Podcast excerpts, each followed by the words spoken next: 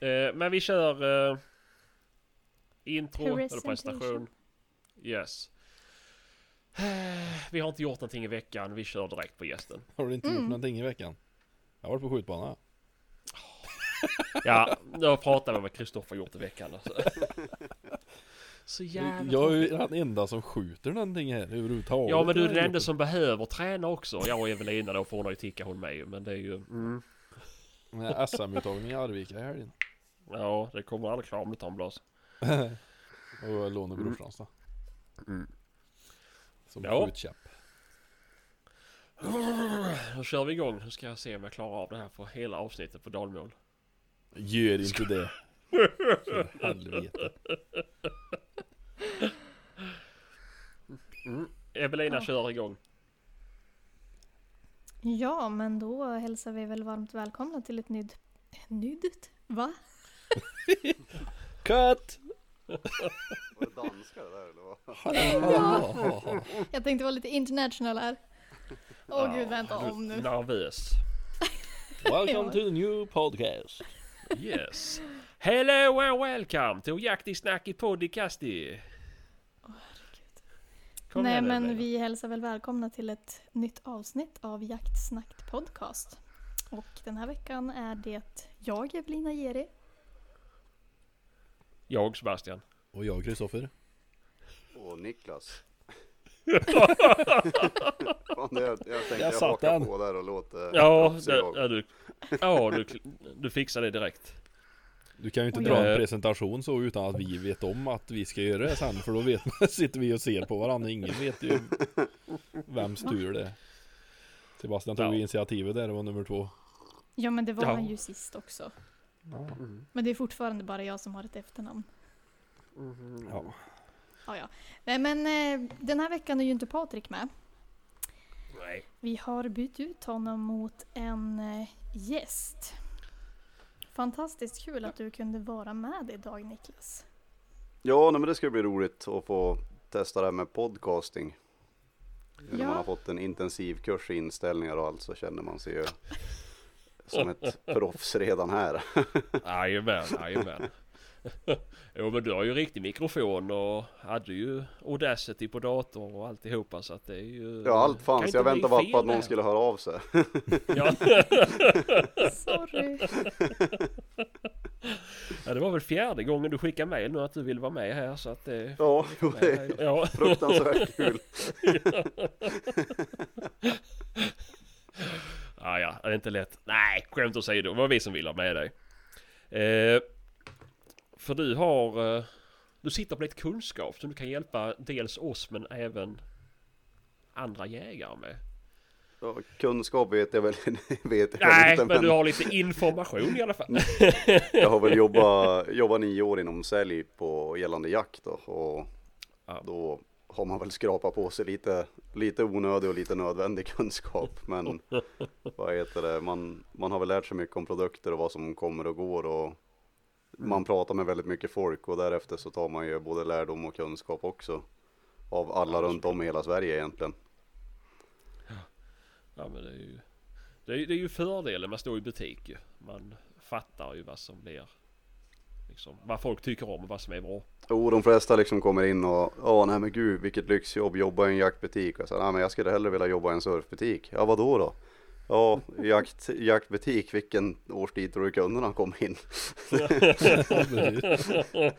Nackdel. Men, men det är ju det, det roligaste med att jobba, jobba med just jakt och jaktprodukter, det är att man hela tiden, det är sitt eget intresse man a- Arbetet är ju sitt eget intresse så det är inte så att man måste läsa på om någonting utan det gör man ju frivilligt hela tiden. Ja, ja, ja. Jo men såklart, såklart. Och det är ju lättare att nörda ner sig i någonting man är intresserad av. Jo men så är det ju. Det är inte så att man Ja. tackar nej till en utbildning gällande aimpoint eller vad som helst. Det är liksom bara, ja, sign me up, jag kommer dit. Ja men såklart. När det kommer till blaser hade jag tackat nej.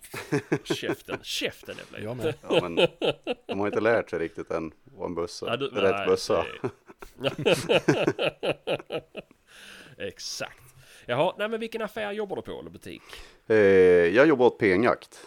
Så PN-jakt. sitter där och sköter väl lite olika produkter, ja, lite olika saker. Jag sitter väl mycket på mail, mail, kundtjänst och telefon. Mm. Sedan är det väl inköp och så vidare. Ja, just det. Va, men är det en fysisk butik eller är det en internethandel eller är det? Ja, vi, vi har fysisk butik så att Mm. Folk kan komma förbi bäst de vill, men vi, vi har ju även näthandel så jag är Ja, väl mer, ja. mer inriktad på just näthandeln. Ja, just det. Just det.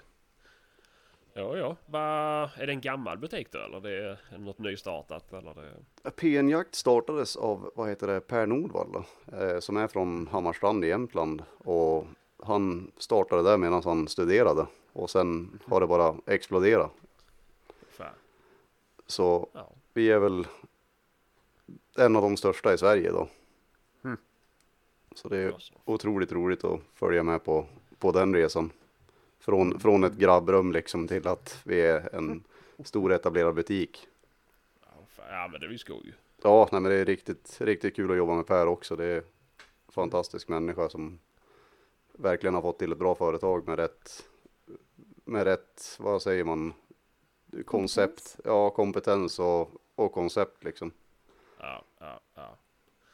Ja, men det är ju fan trevligt ju. Var, var, ta det igen. Var ligger butiken? Den ligger i Hammarstrand i Jämtland. Hammarstrand i Jämtland. Det är den enda fysiska butiken där eller?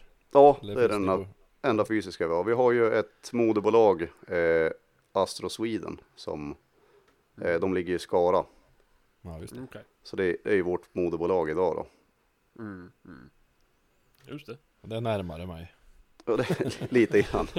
Ja, men du fattar inte vad de säger där. Skera! Ja, men det är trevligare här. Ja, det kan jag tänka mig. Ja, Ja. Förvisso är det närmare till Bert Karlsson i Skara. Mm. Han är söt. Ja, här har man inte nära till något. Det är väl det som är skönt med att vara här. Ja men såklart, såklart. Jaha, nej men om vi säger så här. Tanken med att ha med dig då, förutom att Evelina har skrutit om hur trevlig du är. Eh, så är det väl lite vi... Nu börjar vi... Nu, börjar det bli, nu är det vår, det börjar bli sommar. Folk börjar bli klara med sina jägarexamenskurser. Eh, de börjar komma ut liksom. Ska komma in i själva jaktmarknaden. Då tänkte vi kan väl gå igenom lite prylar vad som är vettigt för den nya jägaren att tänka på. Eh, och även den rutinerade jägaren för den delen. Eh, men eh, ja, vi tänkte väl dedikera det här avsnittet till prylar främst. Och utrustning. Ja, det är ju ett samtalsämne som vi egentligen skulle kunna sitta och prata en vecka om. Skulle Ja. Men vi ska försöka sammanfatta det så bra som möjligt. Ja, ja, och skulle vi inte hinna så får vi köra ett avsnitt till. Ja. Så det är inte hela världen. Eh, ja, ja, för det är ju en hel del prylar som, som ska införskaffas. Om man är helt grön på jakten och inte har någon eh, familj eller släkting man kan köpa av eller få av. Så då har du ju en lång lista och det är mycket saker som kan vara grymt främmande. För någon som inte har, har det liksom i blodet eller familjen. Var ska man börja? Ja, det är ju faktiskt, man, en annan är ju som född och uppvuxen i en jägarfamilj så att man har ju aldrig stött på det där själv men man har ju pratat med väldigt många och man förstår ju, men att ringa första gången själv till en, det spelar ingen roll vilken hobby man än har så är det ju liksom, när man väl börjar där, jaha, ja, vad är det nu då? Och det är ju liksom, det, det tråkigaste som egentligen finns att köpa det är väl ett vapenskåp, men det är ju det viktigaste. Ja, jo. Och där är det väl många som, alltså, jag resonerar som så, det finns ju 80 kilos vapenskåp där du får plats med fem vapen och har en liten hylla på dörren. Eh, många ser bara just möjligheten av att man ska förvara vapen i det. Jag själv brukar resonera, så ska man ändå ha ett fult skåp hemma så är ju kanske ett 150 kilos där du kan även förvara värdesaker en bra Ja. grej. För jag menar, kriminaliteten minskar inte i Sverige direkt så. Nej, nej. och inte Eh. om du har vapen hemma framförallt kanske. Nej, Jo. Ja, ja, Det ja. behövs vapen Då kommer för de att inte hela vägen fram. nej, tänkte exakt. Man läser ju ofta hur folk liksom åker hem till andra och typ stjäl vapen eller ibland hela vapenskåp. Så att det är ju också en fördel att ha tungt vapenskåp. 150 kilo bär man liksom inte hur som helst. Det gör man visst det. Sen får man in, vad heter det, jag menar, säg att du efter tre år har skaffat fyra vapen, sen ska du ha in all ammunition, för ammunition ska ju också förvaras i låsbart utrymme. Eh, och vapenskåp lär väl vara ett av de få man har hemma. Eh, Ja. Jag menar det är det, sen har du kanske andra värdesaker du vill ha hemma. Så jag Mm. menar det är liksom, det behövs utrymme. Ska man ändå investera så kan det vara lika bra att investera i ett rejält. Jag kan tycka det, alltså det är Ja. för ett tajt vapenskåp, det är likadant, gillar man fina träbitar så skaffar man ett sånt där 80 kilos vapenskåp, sen kommer man upp i fem bussar, då är de där träbitarna inte så fin längre. Utan då får man vara var väldigt försiktig. nu, Och det är trångt. Och det har inga sidohyllor eller någonting i. Nej men det blir liksom, rubbet. alltså har man på lite vakkikare och sånt, det blir liksom, det blir stora grejer man ställer in där. Mm. Ja. Jo men så är det ju. Eh, och jag resonerar ju så när jag köpte mitt. Eller ja. Eh, jag köpte ju ett för 12 vapen tror jag. Eh, det, ja det som väger över 150 kilo i alla fall. För dels så tänkte jag att det är ju smutt att slippa bulta skiten eller lägga vikter. Och sen är det ju ganska gött att ha hyllor tänkte jag ju. Man kan förvara grejer i ju. Det går ju absolut inte. Nej. Det får ju inte plats ju. Har du ett par bössor med storkikare på. Ja, får ju ställa dem. Ja, det är ju jävla Tetris varenda gång det ska in i skåpet ju. Ja, men sen i, idag så Ja. är det, alltså det, det, jag brukar jämföra med typ 30-40 år sedan. Jag menar, jag, om jag kollar tillbaka till farfar och sånt. De sköt Mm. fyra skott på skjutbanan på en älgfjur och tog det i träffområde, då var man jättenöjd, sen for man på skjutbanan. Men idag så, jag menar det är inte onormalt att folk är iväg och skjuter 500-600 skott. Alltså det, det finns ett helt annat skjut, alltså skytteintresse. Man, man skjuter mer och då, man skaffar mer grejer för att liksom, det finns mer grejer. Jajamän. Jo, ja, övningsskyttet har blivit större idag än vad det var för 30-40 år sedan. Då var det ju minimalt. Då var det ju bara elbanan och, och hagelskyttet. Precis. Och då var ju inte det heller så stort. Det var det ju som du säger, folk provsköt ju eller sköt ju sin serie innan älgjakten drog igång och sen var det ju inte mer skytte på banan. Nej, så egentligen en, en gammal Husqvarna 1900 kan vara mindre skjuten än en T3 som togs ut för tre år sedan. Det är liksom, Ja, ja. Jo men så är det ju absolut, absolut. Nej, så det är ju... Nej, då är det ju vettigt att ha skåp med plats för ammunition med. ja, och sen är prylarna inte så billiga då. Jag menar, ska du ha, ska du ha en bössa, du ska ha ett kikarsikte, du köper ett mörkersikte. Det kan vara skönt att förvara i låsbart utrymme. Mm. Ja, ja, gud ja, gud ja. Och sen de som inte bor i egen villa då, som kanske bor i hyreslägenhet. Det är ju inte säkert att det är superpopulärt att dra två franska träskruv i parketten och två i väggen heller. Nej, precis. Och då kan det ju vara fint att ha ett som en slipper bultra. Jo, Ja. nej men absolut. Eh, Ja men så är det faktiskt. Det är, Eh, mm, men har du några tips? Vad är det man ska titta efter? Vad är det som är... Eller nu kan du inte köpa vapenskåp utan den märkningen kanske? nej, det, det finns väldigt få. Alltså, det är ju de flesta jaktsidor säljer, alltså de säljer ju bara vapenskåp som är rätt märkt SSF 3492.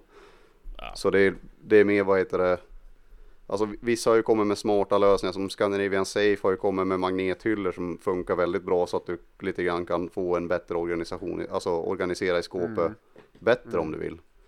Eh, de här, en, en jättesmidig grej är ju egentligen den här LED-belysningen som finns i vapenskåpen idag som med magnet liksom som tänds upp när man väl öppnar Det skåpet. monterade jag i helgen faktiskt. Eller förra Ja. helgen var det kanske. Ja men det är ju faktiskt en grymt smart grej. Det är Ja. skithärligt för annars. Jag har ju, jag klarar ju baxa in mitt vapenskåp i en garderob också. Och grattis Så- till den. Ja, Ja. det var på centimetern och fy fan vad jag slet alltså. Mm. Men med lite, med lite stroppar och spännband och en jävla massa vilja så kan jag bryta in det där till slut. Men där inne det blir ju ännu mer mörkt. Så då monterar jag två stycken sådana, en överst i hylla och så en eh, En under hylla då, som lyser ner på vapnen. Det blir ju för jävla då. Ja. ja, men det är ju gött att se vad man har där inne. Mm, det är det.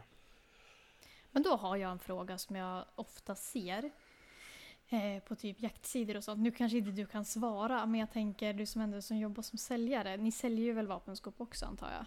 Jo men det gör vi. Ja. Eh, folk har ju frågan, får man samförvara vapen om man liksom är mantalsskriven på samma adress? Vet du det?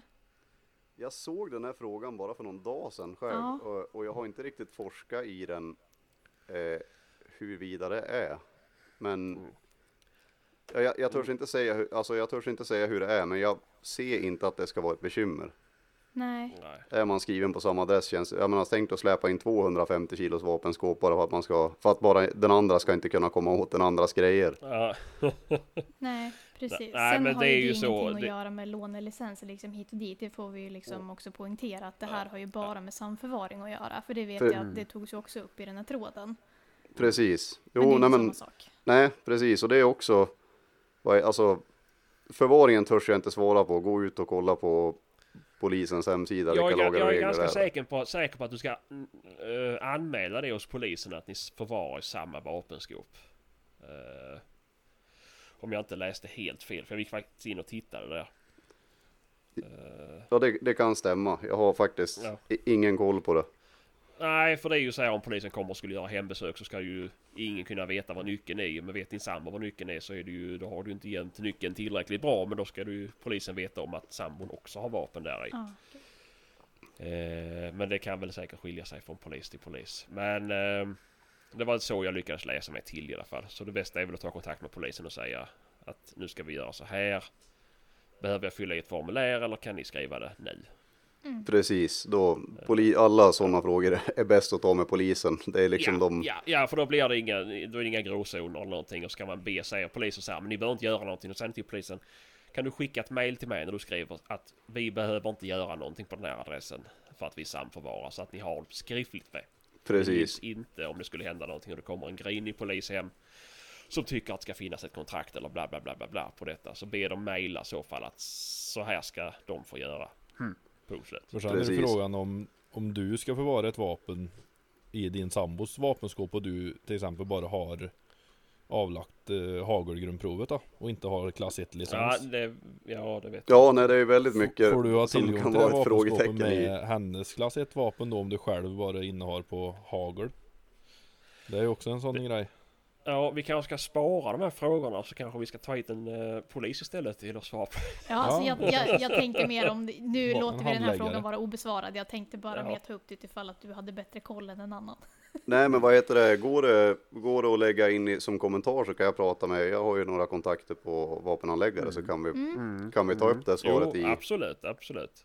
Ja, för det tänker jag, det är ju högaktuellt jämt. Vissa skrev att man måste vara gift för att få ha liksom förvara vapen i samma skåp och vissa skrev att det går bra, liksom har man avlagt jägarexamen så är man ju berättigad att ha vapen så att det är ingen Ja, fara och ja. vissa skrev att nej totalt, man får inte, ni måste ha två Ja. vapenskåp. Ja, men det är likadant som alltså, gällande lånelicenser som man har sett alla frågor om. Det är ju Ja. exakt, alltså det är lika rörigt där egentligen. Ja. Ja, Men där är det ju, är man gift eller blodssläkt så behöver man väl inte skriva lånelicens. Behöver alltid skriva lånelicens. Behöver man inte skriva lånelicens. så har vi det. Och det är likadant att har du ingen licens på ett hagelvapen själv så får du inte låna ett hagelvapen utan då måste du ansöka om Nej. ett lånetillstånd från polisen för att få låna ett hagelvapen.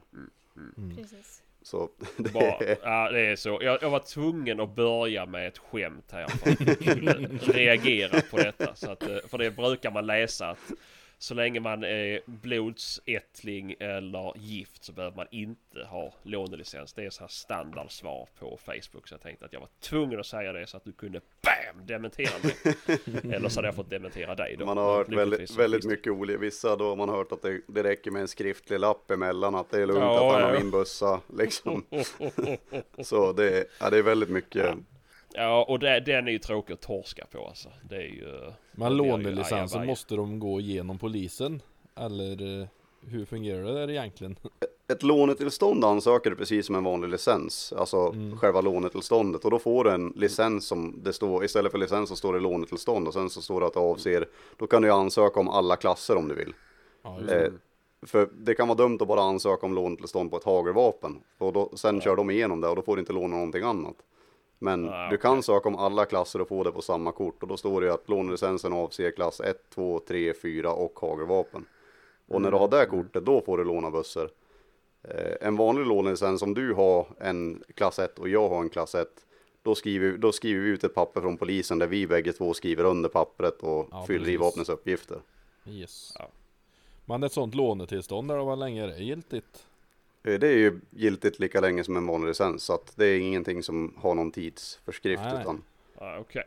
så Ja, där, men det är ju... det- därför är det inget dumt att söka i början. Men är det så att man bara, farsan jagar bara älg och jag tänkte inte köpa en hagelbössa i första taget. Nej men då kanske det kan vara bra när du söker om, en, om din första licens på en klass 1. Sök om ett lånetillstånd också då. Om du blir medbjuden av en kompis på harjakt eller någonting. Så har du ändå möjlighet att kunna låna ett hagelvapen. Ja det är ju Mm. faktiskt jävligt Det var. Det var, fan det var något tips. nytt. Ja faktiskt, det visste inte jag om ens en gång. Inte Nej. jag heller. Man har ju bara hållit på och kladdat med såna jävla lappar.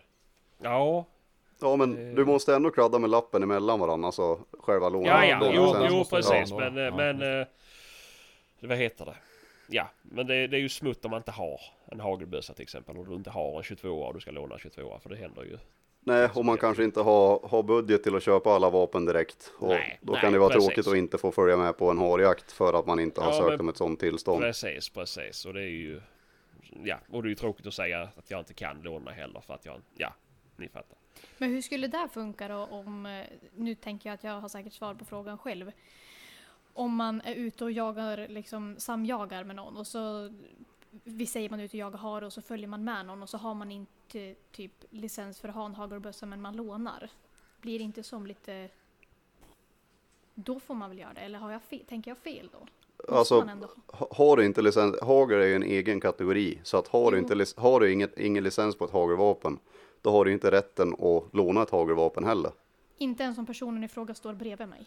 Ja, då är det ju uppsiktsjakt, då är det en helt Ja. annan sak. Ja, då är men det det ju, var det jag tänkte ja. att då får man väl ändå göra det. Ja, det är ju, alltså det, det får du göra. Men då, Ja. då är det ju uppsiktsjakt vi pratar och inte lån av ett hagelvapen. För då ska det ju stå Nej. på en hand, alltså då ska det ju stå på en, inom en armslängd Ja, från ja. den personen.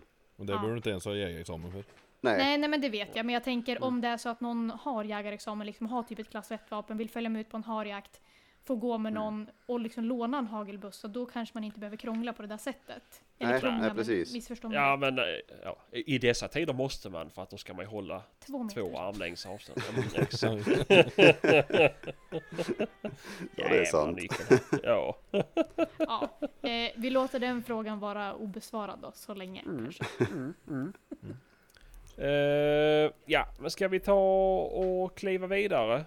Mm. Snacka lite kläder. Ja, absolut. vad har man i ett vapenskåp? Ja, Vapen. det kanske vi vill ta också. En blaser. gå igenom det? Exakt, och det, med de betryggande orden så ska jag gå upp och lägga min son igen. Vi går direkt vidare till nästa punkt va?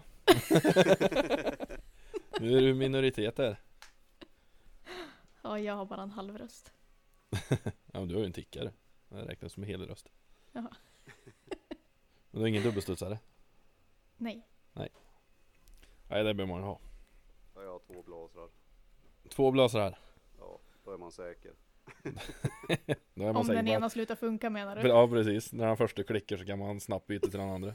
Ja, men jag faktiskt, jag fastnade för Blaser BBF 95 kombin. Ja ja. Jag fick provskjuta en sån och det skulle jag aldrig ha gjort. Mhm. Eh, så efter det, jag har alltid velat haft en kombi och sen har jag provskjutit lite olika varianter och tyckt att de samskjuter inte bra överhuvudtaget.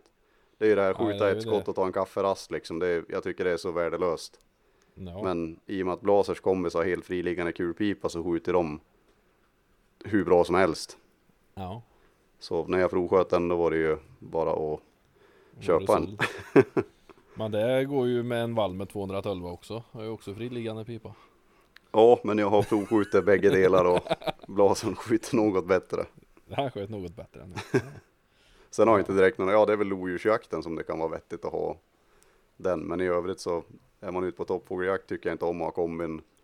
Det är väl harjakt med stövare, då går det väl bra att ha kombin. Men Ja. det finns ju som ingen anledning.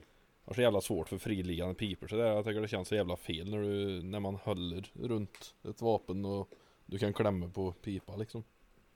Ja, men ja, jag, jag har vant mig. Jag tycker den är, ja den är bra men det, man skulle ha använt den mer. Här i Jämtland finns det inte så mycket. Ja, vad väger den där? Jag har ingen vikt på den. Men det är Mm. aluminiumlåda så att den är ju superlätt. Ja. Jag har en gammal, gammal drilling.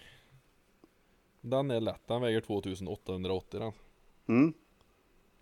det, det är fan ingenting det bär runt på. Nej, och det är väl det man gör för det mesta. Man bär runt bra på. mycket lättare än de flesta nya kombis idag. Ja, Jag vet inte hur fan de har fått ner vikten så förbaskat men det är ju tunnor pipor då. tunna Sen- pipor och kanske aluminiumlåda. Nej det är inte på den. Ja, det är Men, inte det? eh, Nej han är 1916 när han tillverkad. Mhm. Jag vet inte om de pysslar så mycket med aluminiumlådor i vapen då men Ja, den årstiden tror jag inte att det var så, så populärt. Före första världskriget va? Var det det året Patrik var född? Jag tror det. Eller var det är det 1917 det? Kalla kriget. Kalla kriget. Nej. Ja. Nej men vilken är, jag tänker, alltså ska man köpa en första bössa, det här är, eh, gjorde jag för inte så länge sedan tänkte jag säga. Men det är ju skitsvårt. Ja, det är extremt svårt. Och sen just, alltså det svåraste tror jag för allihopa, det är att veta vad som passar ihop med vad och alltså det är det, de flesta butiker idag har tagit fram paketlösningar så att kunden inte ska, jag menar kommer in som ny jägare och ska få allting att funka, lira ihop. Så är det ju Mm. inte så himla lätt utan då är det ju liksom, ett paket är ju det bästa som första bussa. Och av de märken som finns på marknaden idag så, alltså det finns ju väldigt bra märken för billiga priser. Om man säger första bussa som jag tycker är den vettigaste på marknaden idag är väl ändå en Tikka. Det är ju liksom, de ligger bra i pengar och de, de skjuter bra. Mm. Och jag först- tycker me- mekanismen och allt liksom, jag tycker de är otroligt fin. Jag tror jag har haft min i 12 år nu. Och den jävla skjuter i klisterlappen med vad jag än stoppar i den jävla bössa.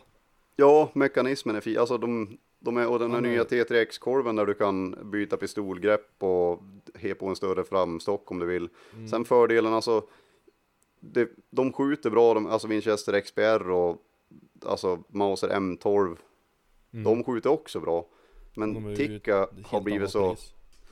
ja, alltså det, de är ju lite, det finns ju billiga, alltså XPR är ju billigare. Men ja, Ja, men L- och- M12 är ju dyr. Jag inte. M, nej M12 är väl den, den billigare av dem. Nej M18 är det jag nej. pratar om va? M18 M18, är precis. billigare. Ja, precis. Precis. Men vad heter det? Alltså Tickan, det finns så mycket eftermarknadsprodukter. Det finns så många andra företag som tillverkar grejer till Ticka. Just för Mm. att Ticka har blivit så stor. Ja, Så att liksom en, en Ticka kan man modda vidare utan att det behöver kosta guld och gröna skogar. Och det problemet som Tikka hade var ju uh, rekylklacken i aluminium. Mm. För första början, jag köpte ju min, ja det är ju, eller köpte jag fick en. Tror jag fick en när jag var 16. Jag fyllde 29 på söndag. Så det är ju några år sedan. han Ja. Eh, det var ju aluminium rekylklack på den då. ja Men det bytte de ut då. precis.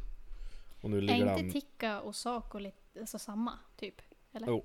den är Ti- tillverkad. Ticka det är och så, samma- ja precis. De ägs ju av samma Beretta båda företagen. Ja. Men vad, varför skulle du rekommendera en Tikka framför en Saco? Är det för att det är, liksom, det är vanligare med att man gör paket liksom för Tikka eller? Sakon är ju, alltså om man säger ett premiummärke, det är ju jättefina vapen det också. Men du har ju en prisbild som börjar på, alltså bara en lös bössa kostar ju vad ett Tikka-paket gör. Okej. Så en Saco absolut, det finns jättefina modeller där också. Mm. Det finns, jag- ju det finns ju billigare modeller av Saco också men eh, jämför du en billig Saco med en Tikka så tycker jag ju Tickan eh, går före. Ja, den här Saco S20 som kom ut i Ja, fjol.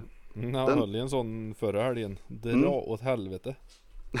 Vad jag trodde att allting skulle gå i sönder bara jag höll in. Nej, jag, ty- jag tycker att de är trevliga. Alltså det, det märks ju att det inte är Saco, Saco. Det märks att de har gått ner i pengar på den. Ja, Men jag tycker att själva modellen, alltså om man vill ha en som pyrschbössa så är det ett, ett fint vapen. ja han var ju superlätt och sådär men det knarrar ju och knaka och kinnstöd som var så tunt så det var ju Jag trodde ju, vågade ju knappt hålla i den där jäkla i butiken. Ja, nej men Jag, jag har ju hört att folk har sagt att han är skramlig och plastig och, och så men eh, Det var en nivå över det ytterligare faktiskt när jag höll in själv.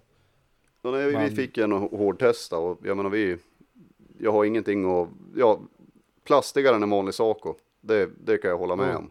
Ja, men, det finns ju en anledning varför den är mycket billigare än en vanlig Saco också.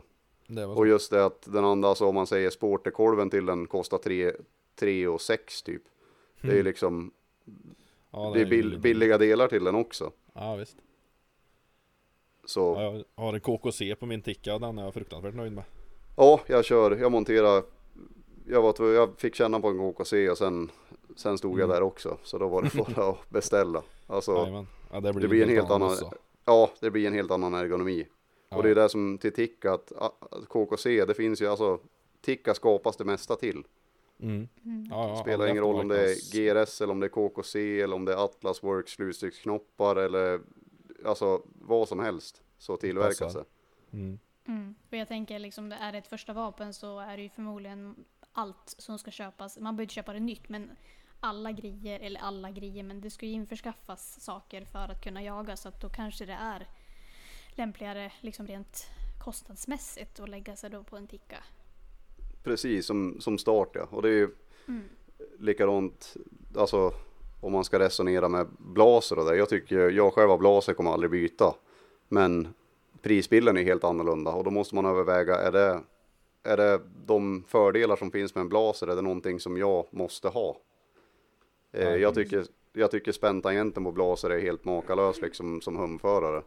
Eh, rakrepeteringen för björnjakt, älgjakt med snabba sekvenser, vildsvinsjakt. Men du, jag kan ju garantera att skjuter man mycket med en ticka så repeterar man lika snabbt med en ticka. Mm. Eh, sen är det ju bara smidigheten i just blaser med, med rakrepeteringen. Och kanske kunna hålla sig kvar. För rycker du upp en cylinderrepeter så kommer ju bössan fara lite grann. När du Mm. gör det. Alltså, Det gör den. men en blaser så har man ett helt annat. Ja, du rör inte bössan lika mycket och jag menar efter några björnjakter så tycker jag att blaser är trevlig i Så de skottillfällena. 300 Winchester eller någonting för då måste du lyfta bort ansiktet för annars får du ju slutstycke i ögat. Ja, men det är också en fördel med KKC-korven. För jag upplevde att jag flyttade ansikte när jag sköt med vanliga R93 Professional-korven. Mm. Eh, men KKC'n så hamnar det ju upp alltså en bra bit högre med kindstödet. Och Ja, då, precis. då försvinner det fenomenet. Likadant om du monterar på en korvkam. Du har ju de här Evo korvkam idag som inte höjer vikten allt för mycket i dem. Ja precis. Och då, då får du upp huvudet lite grann. Annars så tycker man att det blir lite otäckt med slutstycke. När man drar tillbaka det i större kalibrar. Mm, ja precis för det är ju ja 308 6,5 om det är mediumpatronerna det funkar ju men kommer du upp i dem lite längre då är den ju i i ögat. Jo, jag kör ju en, en 9362 och sen har jag en 66 i pipa till min då. Mm. Och det är det som är trevligt också med blaser att du Kostar man på en KKC-korv och har olika tillbehör så är det ganska trevligt att du bara behöver byta pipa så har du samma. Du har en KKC-korv oavsett kaliber sedan. Ja. Jag tycker det är lite tråkigt att byta vapen eller byta kaliber och inte byta vapen. Det blir, det blir samma, samma. Ja, men då har man det man har tränat in sig på i 12 års tid höll jag på att säga. Jo. Eh, ja. Kristoffer gillar att spendera pengar hör vi nu. Jag köpte ju en uh, Merkel dubbelstudsare i, vad var i höstas det. 9374. Uh, funderar på om jag ska sälja alla andra vapen jag har förutom berätta hagelbocken. För jag vet inte om jag behöver något annat. Nej, Helvete så trevlig den är. Men provskjuta bössor kanske också man bör göra. För jag tänker även om rent kostnadsmässigt en ticka svider mindre i plånboken än vad en blaser gör så är det kanske inte säkert att man trivs med, med en ticka. Nej, absolut. Så kan det ju vara. Och det är ju det är ju svårt att komma in till en butik och provskjuta vapen i och med att vapnen är nya. Så fördelen där det är ju att hålla, hålla koll på events och säg mässor och det. Nu är det svårt nu i covid-tider. Mm. Men vad heter det? Det kan vara. Där har ju oftast som Saco och Ticka och de, de står ju med, med sina representatörer och, och låter den provskjuta. Mm. Nu tror jag att jag måste pysa i två minuter och Ja. gå ut med en liten hundvalp. Ja. Det låter som det. Det man kan göra annars Evelina det är att man åker ner och ställer sig och minglar lite på en skjutbana. Mhm. Så kommer det snart en tickaägare där och ska skjuta med sitt vapen. Kan man få Mhm. testa om man frågar snällt. Så här är covid-tider också. Ja. Ja precis, du sköt Ja. och spritat mig. Just det. Ja det var det också. Jävla corona. Nej men... eh, Men just provskjutning på, alltså testskjuta vapen på, det är ju inte så jävla många butiker som har den möjligheten. Nej, nej det vet jag. Jag tänker, finns det ens en sån efterfrågan? Att Eh, kunna åka och testa vapen. Ja, så jag tänker, tänk om det skulle finnas en sån stor efterfrågan på att få testskjuta vapen att ja, men det kommer in, inte vet jag, att man har en gång i månaden liksom som jaktbutik en intresselista liksom, lista där folk kan skriva upp så att det här skulle jag vilja provskjuta. Oftast så finns det ju någonting begagnat. det precis. behöver ju liksom inte vara sprojlans men så att man ändå får liksom klämma och känna på vapen och liksom provskjuta. För även om man i butik står och siktar så är det en helt annan sak när du ställer dig på en bana liksom. Ja, så är det. Helt klart. Jag vet inte, vet, nu är Sebastian tillbaka också. Åh. Nattat barn igen. Ja, Ja. igen. Vet du om De är det? förkylda mina barn så det är därför. Ja, vi pratar, vi pratar om vapen och vapenbutiker och eh, tillgång att kunna testskjuta vapen. Mhm. Det är, är det någon som har några sådana där, eh, det är inga butiker. Det borde de ha haft att man, eh, Jo. att de arrangerar bandagar liksom. Plocka med sig lite, ja. Ja, men det, man brukar ju få göra det på mässor och sånt ju. Jo, men jag tänker nu när vi inte har mässor. Aha. Eh, då är det så här att har du licensen tidigare kan du ju faktiskt ta en lånelicens. Ja, men jag, nu pratar vi ju om första gångs... Köpa första vapnet. Ja. Köpa första vapen killar. Att även om vi pratar om att eh, det är oftast så är det enklare kanske att köpa sig ett vapenpaket. Än att kanske liksom slå sig in och köpa en blaser för inte vet jag vad de ligger på 60 000. Halv miljon. Ja, ta, ta, ta, ta. Ja men med allt. Ja men det är väl lika bra att bara sätta sig i skiten direkt. Nej. Nej men jag tänker att eh, även om det rent kostnadsmässigt är billigare att köpa en ticka så är det inte säkert att man trivs med den bössan. Det var lite mer Nej nej nej, nej tror fan det. Nej, nej, nej, nej. Hur har ni det Niklas på, på PN? Har ni så att Har ni något hörn man kan dra av en smäll? Nej, vi har inga provskjutningar alltså åt kunder i butik utan det, det blir lite grann gällande och alltså man får ju känna på vapnen men att skjuta med vapnen blir liksom det får man prova sen när man har köpt det ungefär. Eller åka, Ja. åka på någon mässa, alltså när det inte är covid då och prova dem. Ja, ja. Men har inte ni fria returer så man typ kan köpa en bössa så bara äh, fan jag tyckte inte om den. Så Ja, ja visst, man har skjutit 500 skott och aldrig gjort rent den Ja. och sen kommer man in med den igen. Man sprider. Nej men och det är det, Ja. det är det också, alltså som säljare, jag, jag är ju bara en, en jägare själv också. Det enda jag, jag har ju mina personliga åsikter och mina, mina egna, vad jag föredrar i ett vapen och sånt. Så att det är som svårt att, man pratar med många jägare och säger pyschjägare och lär sig vad de tycker är bra. Och sen är man ute själv och provar saker. Och sen bildar man en uppfattning av det. Så allt jag säger, det spelar ingen roll vad jag pratar om. Om jag pratar om vapen, kaliber, ljuddämpare. Allt det är ju baserat på min åsikt och vad jag själv har dragit för slutsats i det. Jag har ju aldrig rätt. Du kan ju bara gå till Nej. nästa person Ja, ja, som är med nej, i podden. så- Ja men såklart. Men, men vi säger så här. Jag, jag kommer in till dig nu. Jag är helt grön jägare. Jag ska köpa min första studsare då. Ja, i bästa fall så har du ju klarat ett högviddsprov med en studsare. så då borde du Den borde ju passa rätt bra. Ja, jo. Men det var ju en, eh, en eh, vad heter det, Carl Gustav. Gammal 1640? jävel. Knä- Nej det är ja, jag pratar. Ja. Mm. Nej men, eh, nej men jag vill ha en bössa och du vet det är ju... Jag... Jag är inte så haj på det här med vapenvård och så här, så jag har ju funderat lite på komposit. Vad... Vad, vad rekommenderar du? Vad har du för trevligt i butiken? Säg? Då skulle väl egentligen första frågan vara vad du tänkte bedriva för jakter. Jag vet inte, jag är ganska ny Men jag tror att det blir mycket drevjakt och så lite pyr. Då skulle väl kanske 308 vara en vettig kaliber så att du har någonting för allt. Alltså, det är väl, tre- 308 är ju tråkig att rekommendera på det att den säljs Ja. i sådana mängder. Men vad heter det? Jo, jo. Fördelen med den är ju att du kan ju, du kan ju åka iväg och skjuta en toppfågel på 300 meter. Likväl som att du kan skjuta ett vildsvin på 10 meter och du har bra effekt. Och inte allt för mycket, det förstör inte allt för mycket av fågeln. Nej, nej. Nej men då, då men, fast alltså gubbarna i de, det jaktlaget som ska med, de säger 1306 måste du ha för älg. Ja, då kan de gubbarna fortsätta med den kalibern. Jo, och du vet, jag, det är en skåning han är med. Han säger man kan bara ha 9362 om man skjuter vildsvin. Ja, De dör jävlar inte i någonting annat. 9362 har ju en mycket bättre skottverkan än vad 308 har skulle jag säga. Jag själv skulle nog aldrig kunna byta bort min 93 men jag åker, det är lite halvjobbigt att åka och skjuta på en toppfågel på 300 meter med den. Ja, ja, ja, men du får hålla lite över. Man siktar på solen och träffar fågeln ungefär. Det blir som det här gamla spelet talesätt. Worms. Ja, Ja, lobba. ja.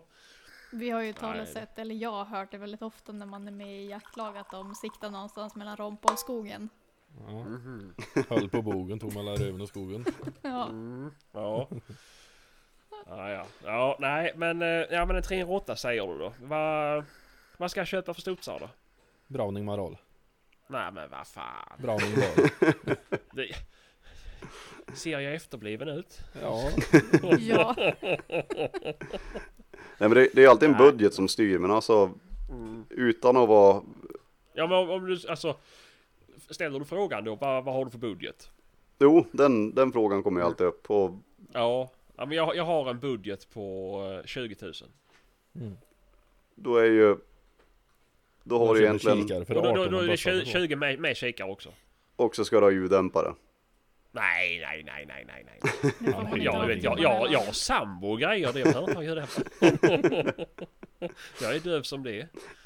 Nej men alltså det, du har ju i den prisklassen har du ju du har Winchester XPR, du har Tikka T3 och du har Browning, vad heter den då?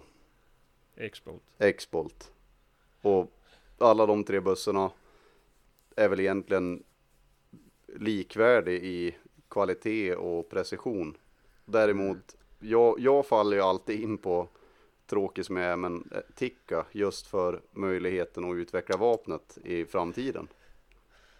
Åh oh, fy fan, nej det bara jag fick en men- ja, från Tikka behöver ju uppgradera. Ja, ja. Själv. Du köper en- blaser och så säljer du den för att du ska köpa en annan blaser och att du ska kunna sätta dit en annan kolv. En Tikka kan man alltid göra lite mer person, alltså vill man, alltså om du känner som ny ja men du jag skulle vilja haft slutstycksknoppen lite annorlunda, ja men då kan du fixa det. Vill du ha ett brantare pistolgrepp, det finns att köpa, bredare framstock, absolut. Pickat in i skena med 20 moas sketning, äh, sketning. Pickat in i skena med, med, med 20 moas lutning för långhållsskytte, det finns Mm. utan problem. Vill du ha Leopold QR, vill du ha vanlig pickat in i skena, vill du ha, alltså allt du vill ha finns att köpa Mm. Tikka. Det är det som är en sån stor fördel med just det märket. Har de en successkolv? Ja det kan du nog få till. Så fräser man ur lite så har du rakrepeter också. Och nästa Ja, vecka har vi Är det någon som vill köpa en Sebastian. Jag förstår inte det med rakrepeteringar riktigt för Käften. det är så mycket bättre. Det är snabbare och man kan repetera. Men det så. vi inte, det, det är bara att det är skönt. Varför är köper man inte då är en halvautomat? Man ska skjuta är så jävla snabbt. Ja men det behöver vi inte göra, det är bara att det är en lite skönare rörelse. Skönare rörelse. det jävla... Eh, ja, nej, men... Vi, ja, vi, jag, jag fick in en fråga av en lyssnare. Mm. Eh, han var han... Jag vet inte om han var ny jägare. Eh, men det, jag tror det. Och han hade då stått i den här valet kvalet. Då hade ju alla rekommenderat Ticka. Eh, men han hade läst sig till eh, Schützen Larsen. Schultzen Larsen. Ja. Eh, för där har du ju en relativt billig bössa. Bra kvalitet. Plus att du kan få med eh, pipbytarsystem på den också. Ställ dig dig mot väggen nu Niklas. Alltså Schultzen Larsen är ju ett märke som inte kanske är det vanligaste i, i Sverige. Nej, jag kan inte så långt norrut. Nej, Men, eh, Jag hade ett par kompisar på gymnasiet som hade eh, faktiskt. Men det var ju Skåne. Så att, det, det beror ju alltså.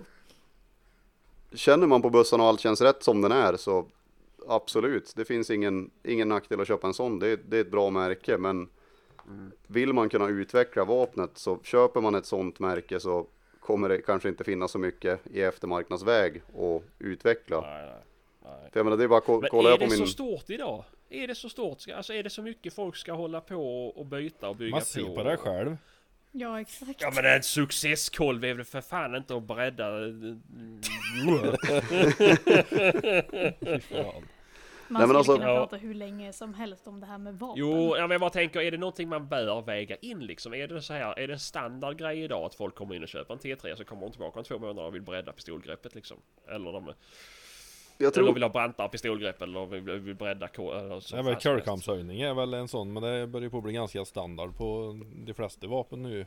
ja, korkamshöjning är, är nästan standard idag liksom. Och det, det är Mm. klart att vi, vi säljare rekommenderar korkamshöjning just för det att så att du kan ställa in vapnet så att det passar. Det är en enkel lösning för att få ett bättre skytte.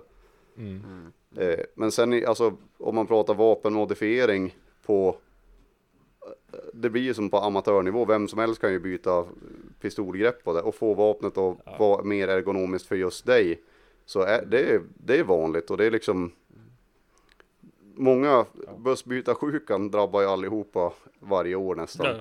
Och ser jag till mig själv så är jag så nöjd med min buss att jag kommer aldrig byta bussar, jag brukar alltid byta någonting annat. Eh, och det blir liksom samma sak där, att du, du modifierar ditt eget vapen istället för att hålla på och byta bussar hela tiden. Sen måste man ju alltid se till hur mycket kommer jag jaga. Alltså, någon som jagar extremt mycket brukar ju lära känna gre- grejerna allt eftersom och hitta små saker som man vill modifiera med sitt vapen liksom. Och de som inte jagar alls har ju ännu mer pengar att lägga på att modifiera. Och Ja. för tid. Ofta sitter de med en Husqvarna 640 1306 Ja. som har sprucken korv och lite eltejp på sig också. Nej men det är liksom Har inte du något projekt som ligger Sebastian? Ja men den är inte sprucken. Den är inte sprucken, nej. Nej, Nej. den är inte sprucken. Nej. Nej men alltså Eh. allt har ju att göra med, det, det finns ju gamla vapen du köper för 3000 kronor som funkar hur bra som helst för de fem dagar du sitter på ett älgpass utan problem. Men Ja. det har blivit så pass populärt att alltså både skjuta och testa andra jakt. Jakt överlag har blivit mer populärt och just skytte. Så att jag menar idag används grejerna på en, på en annan nivå. Ja, Och det- ja. Ja det är hur- som, hur skulle du rekommendera om du hade en budget på 10 000 kronor du ska köpa ett begagnat vapen och ett begagnat sikte? Hur hade du fördelat pengarna? Eh, jag hade fördelat, jag hade nog mer, lagt mer pengar på optiken än vad jag hade lagt på vapnet. Men jag hade hållit, jag hade fortfarande hållit mig till, säg av gamla vapen som ligger i låg prisklass så har du Winchester XPR till exempel, är ju ett fint vapen för det man betalar för de begagnade idag. Du har Husqvarna Husqvarna 1900, 1900. precis, Carl Gustav. Så jag, jag hade nog, för optiken, det, är, alltså, det spelar ingen roll om du hittar en begagnad Tikka som är jättefin och sen så har du kvar 2000 för att köpa ett kikarsikte. Det är ju liksom som. Nej, De flesta- inte- jag de flesta det där själv, dåliga de har- kikarna är inte trevliga. Ja. Nej, det jag får har ju- wish. Jag har ju sett, ja det är ju mest skrämmande. Folk sitter seriöst på jaktsidor. Den här Leopolden på Wish är någon som har testat, han kostar 400 kronor. Ja, Och så, ja en sån har jag haft på min 9-3 i två år på älgjakta och den fungerar klockrent. Och så är det å- 18 andra som skriver, ja kursen trillar bort på tredje smällen på skjutbana. ja.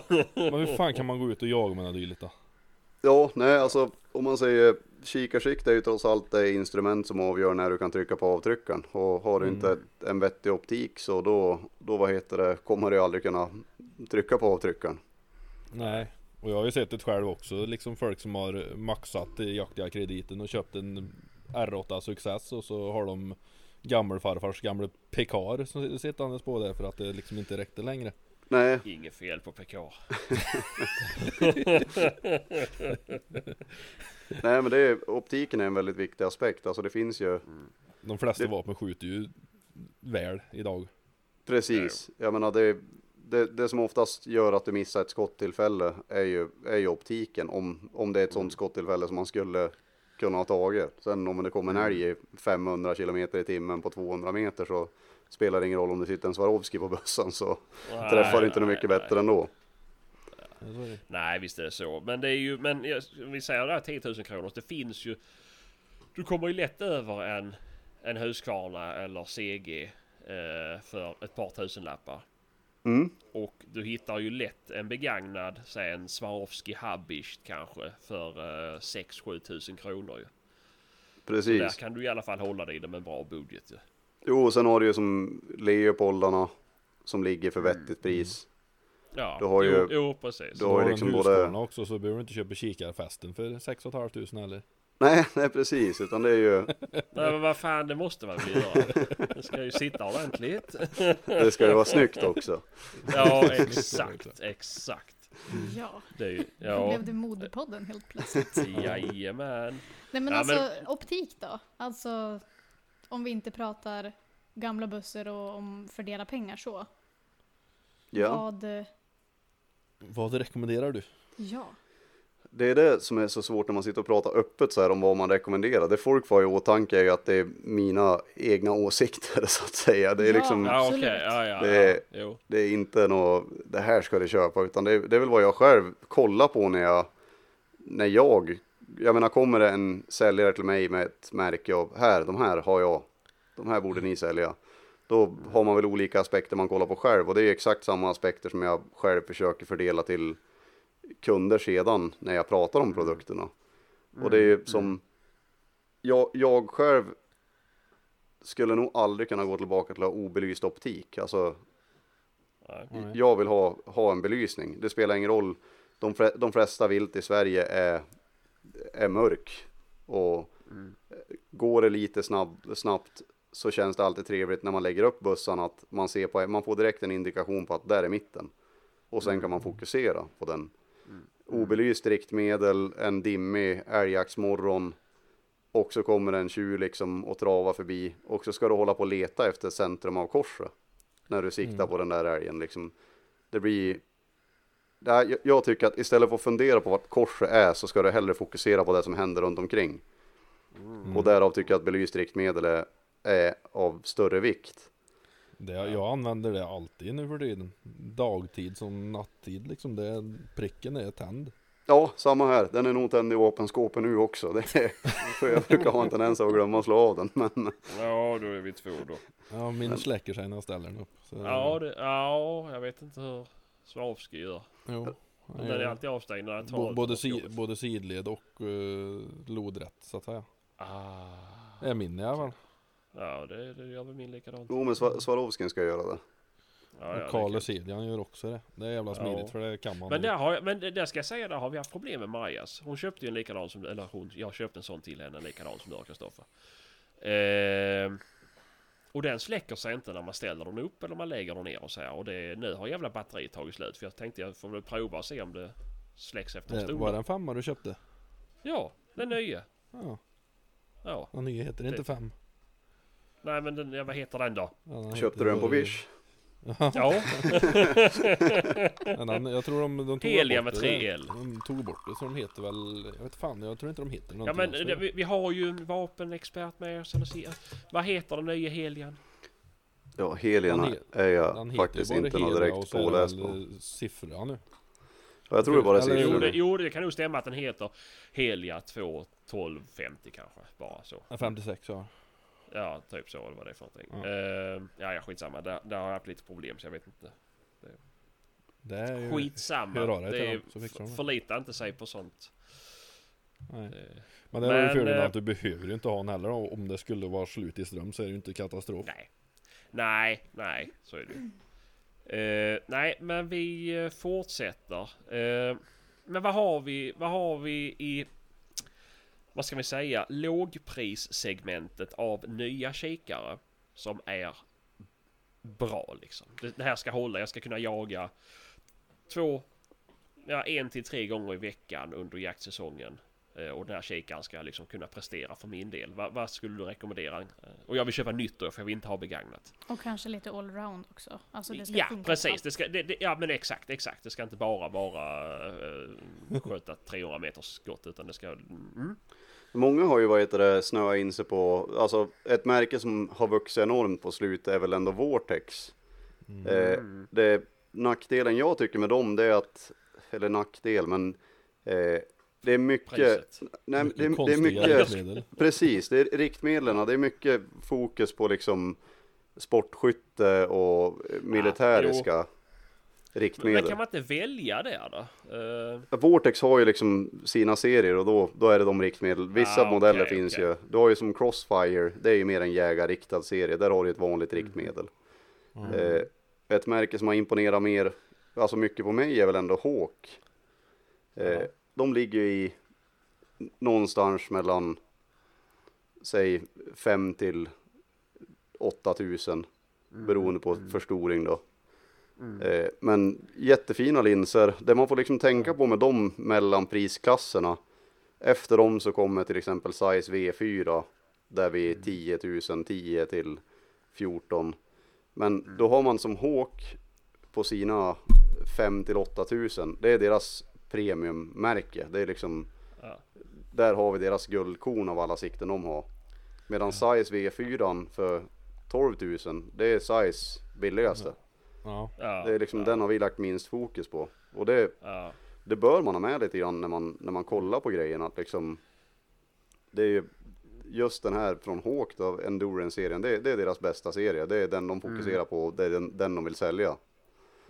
Eh, så bara för att, man, för att någon har sagt att size är bra grejer så, alltså har man en budget på 12 000 kanske man kan kolla på den där Hawken också och jämföra dem. ja. Jo, det är ju... Det är ju inte fel för det är ju... Vi ska säga så här. Det har ju varit en del strul med V4. Sizen. Mm. Korset som separerar eller Ja, precis. belysningen. Eh, så om man skulle säga så att jag vill ha en size så kanske jag hellre skulle köpa en begagnad size än att köpa en ny V4. Kollar man på Hawken så ska man inte köpa en begagnad Hawk av den gamla modellen utan man kollar på en, vad heter den, Endurance. Mm, precis. Ja, eh, jag har själv haft en sån faktiskt. Mm. Eh, ett impulsköp på en mässa faktiskt. Eh, det köpte jag den här drevmodellen. Eh, jag har inte kvar den. Men jag var mycket, mycket nöjd faktiskt. Eh, och då stod jag och valde för jag skulle ha ett drevsikte. Och jag hade tittat på lite olika. Och så stod jag i montern. Och jämförde. Och då så tittade jag bland annat på eh, Vortex. Men det tyckte jag absolut inte att... Då tyckte jag Hawken var bättre än Vortex i alla fall. Mm. Eh, så jag köpte en Hawk. Tänkte det kan ju vara värt att prova i alla fall för det var inga så här superpengar. Eh, och jag var mycket nöjd. Var jag. Ja, nej men de, de är väl, jag har en Hawk själv nu också, en vad heter det, NT4 där, för där, du behöver inte Mm, ha ljusinsläppet på dem liksom, utan de, de är gjord vid dagsljus. Jo.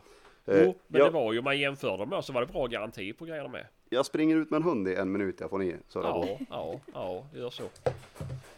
Ett sikte som jag faktiskt blev väldigt positivt överraskad det var ju Patriks eh, sikte som han hade på sin 22-pipa. Vad var det? Ja, var inte det, är det Bushnell som har eh, den Ja, modellen? just det. Bushnell Ja, Nitro.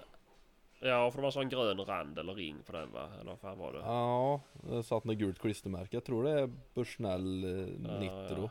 Eller Nitro. Mm. Eh, Ja, ja. 1 till 6 och den var ju Mm. fantastiskt lik eh, Swarovski Z6 i riktmedel och, och allt sånt där då. Mm, mm, Och den, eh, den var riktigt fin faktiskt att se. I, mm, och det är ju ett sikte som kostar, vad fan kostar den? Är det 3 500 för en ny eller? mm. Ja, men det är något sånt. Någon tusenlapp för en begagnad? Ja, jo, eh, men där kanske jag känner så här. Ska man lägga sig på de prisklasserna då kanske det kan vara värt att köpa en ny som man vet Ja, ja. skiten har Jo, det det Eller va- Alltså. som man är säker på att det inte varit med om något. När det inte kostar mer liksom. än ett halvt laserfäste så Nej, men alltså om den kostar 3 500 ny och du kan få en begagnad för 1000 kronor. Då kanske det kan vara skönt att lägga till de pengarna för att Ja. veta att du är on the safe side liksom. Bushnell Eh. Nitro. Har du testat den? Den har jag kollat i, den är, den är faktiskt väldigt fin för sina pengar också, det är otroligt att de har fått ner den till, till det Ja, de det är ligger väl på. 3000 kronor någonting va? Ja. Den. Jag tror 3 och 9 eller något sånt där. ja. Så de är, och, de och är just att riktigt de har fina. 1 till 6 också med Mm. belyst. Ja. Nej, men det är en konkurrenskraftig kikare just för den, Ja. den marknaden. Ja. Har de olika så här förstoringsgrader de också? Ja, det- har de en? Jag tror att den, Ja, de det är bara en till sexan som liksom verkligen har slagit. Det är Ja. liksom, Jo, jag, jag ser många bössor på, på Blocket nu. Eh, man har ju bevakning liksom. Och det, det är mycket, mycket av den modellen som sitter på många vapen. Eh, det kom senast ut en i veckan, en blaser med en sån på. Mm. Eh, därför jag minns det. Eh, nej, jag vet inte. Alltså man behöver kanske inte... Man kanske kan tro att de flesta av oss i den här podden är märkesbägare när det kommer till mycket eh, inom jakten. Men det är ju inte fel. Alltså så pass stora märken. och de har så pass bra garanti. Så kan man ju faktiskt pröva om man inte känner att Ja, om jag har tre stycken hobbys till och jag inte kan lägga alla mina pengar på en hobby så mm, ja, jo, ja men titta dig omkring, se vad som har sålt bra. Hör med säljarna för ni vill ju inte alltid bara sälja på folk det dyraste om de är ärliga med att säga att jag har den här budgeten så kommer ni göra det bästa utav den budgeten för ni vill ju ändå släppa iväg en nöjd kund Precis, jo men som inte kommer tillbaka och är förbannad. nej, det är, det är väl en sån bransch att vad heter det, de kunder man har är man rädd om liksom. Så att Exakt, exakt. jag tror Eh, det är mitt ja, sätt att men- sälja i alla fall. Ja, jo men så får det ju vara liksom. För annars är det ju svårt. Eh, det finns ju ganska mycket jaktbutiker ju. Så att eh, om man inte sköter sina kort rätt så är det ju lätt att gå till nästa. Ja, inte när man bor där uppe. Nej, kanske inte där uppe. Men eh, de får ju snart internet där uppe också vet du. Så kan inte handla på nätet. eh, nej, men vad har vi mer då? Vad har vi mer för lågbudgetsikten? Det, alltså det är väl de, Hawk är väl ett av märkena, sen kommer nu har jag släppt ut Gamstövaren här, han är lite vild av sig. Den lilla Ja, ja, men det är, det är Massakera. en jaktpodd så folk får ha lite eh, förståelse för att det finns hundar i närheten. Nej men vad heter det? Sen kommer ju ett märke som jag själv blev precis egentligen har lärt känna och det är ju Delta. Delta Titanium HD. Jag tycker Jag tänkte att ah, det där är bara något, ett tillsikte i marknaden men Ja. sen tog vi ut och testade och helt otrolig optik liksom för de pengarna man betalar. Ja. Eh, det, en av de viktigare aspekterna egentligen kontra märken och det, det, alltså det är som, som jag säger att det är åsikter och man kan prata om det i tusen år. Eh, nätet finns, du har 6000 forumtrådar där du kan läsa allt förbaskat och det finns proffs överallt. Eh, förstoringsgrader är väl egentligen det nya som sikten konkurrerar om egentligen. Alltså Och mängd synfält. förstoring också. Ja, sy, synfält och, och förstoring. Och det är också beroende på vad man ska jaga. Som, det, jag, jag har ju en, en till fyra och sen har jag en fyra till 24. Mm. Då tycker jag att då täcker jag upp allting som har med alla jakter att göra. Mm. Och sen har jag en aimpoint på, på kombin då. Ja, ja. Eh, Jag köpte ju en Z6i och en 1-6 nu.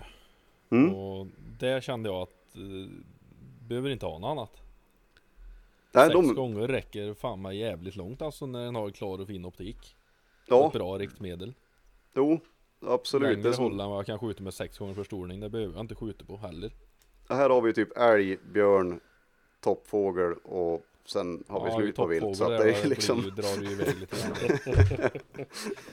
Jo, ja men där kanske det är lite... Men 1 till 6 snett. räcker ju till allt annat där uppe förutom uh, toppfågel där kanske du vill ha Mm. något mer högförstorande men ja, jag jagade älg med aimpoint i, jag tror fem år. Men jag, jag upplevde att till slut så liksom upplevde jag skott inom 50 meter. Det var jag helt säker på vad som, eh, hur det gick liksom. Men skott efter 50 meter, där känner man, aha, tror vi det där gick. Så sen jag skaffade ett sikte med förstoring så tycker jag själv att jag känner säkrare, alltså jag känner mig säkrare på mitt eget skytte, resultatet av mitt eget skytte. mm. Eh, och just att kunna variera. Jag menar, komma ut på ett hygge så sitter du där med din aimpoint och älgarna kommer ut på 100 meter. Då är det lite skönt att kunna dra upp på tre gånger förstoring, men vänta lite grann. hundkaos. Ja. Skoj. Ja. Stövar. Eh, ja, precis. Nej, jag vet inte. Jag, har ju, jag är lite sugen på en en till åtta. Alltså Swarovskis Z8 då. Mm. Det Eh, är som att ha barn här. ja, ja, det är ingen fara.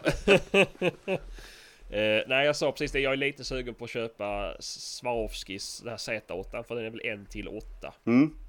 Eh, för då känns det som att den kommer täcka allt liksom. De täcker ju, alltså om man säger förstoring, Men den, en aspekt till att ta hänsyn till egentligen är väl att få, alltså ljusinsläpp. Ja, ja Det blir ju sämre ju så. högre förstoringsväxeln har. Ja, så är det ju. Eh, jag jagar ju aldrig när det Nej. är mörkt. Ja. eh, nej, men nej, men jag skulle säga så här. Jag har ju gått hela den här säsongen är väl ja, första på otroligt länge som jag har gått enbart med eh, vanlig, om man ska säga bakkikare på bössan. Eh, fast jag går med hund då så det, det vad fan är det för storlek jag har på den? 2, 12, 50 tror jag det är. Nej. Jo det är det väl. Är det inte större ändå? Är inte typ Från 4... Swarovski? Är det inte typ 416 på den här klumpen då? Är du dum i huvudet eller? Det är 2, 12, 50 är det. Ja, just stor som två en och halv liters petflaskor. Nej, det är det inte. Det är 50 är det. Eh, jag, jag har faktiskt varit rätt nöjd. Uh, det har fungerat jävligt bra. Har du inte skjutit nu eller? Det, det har jag väl för visst fan gjort det. Eh, det. Det är ju lite otympligare.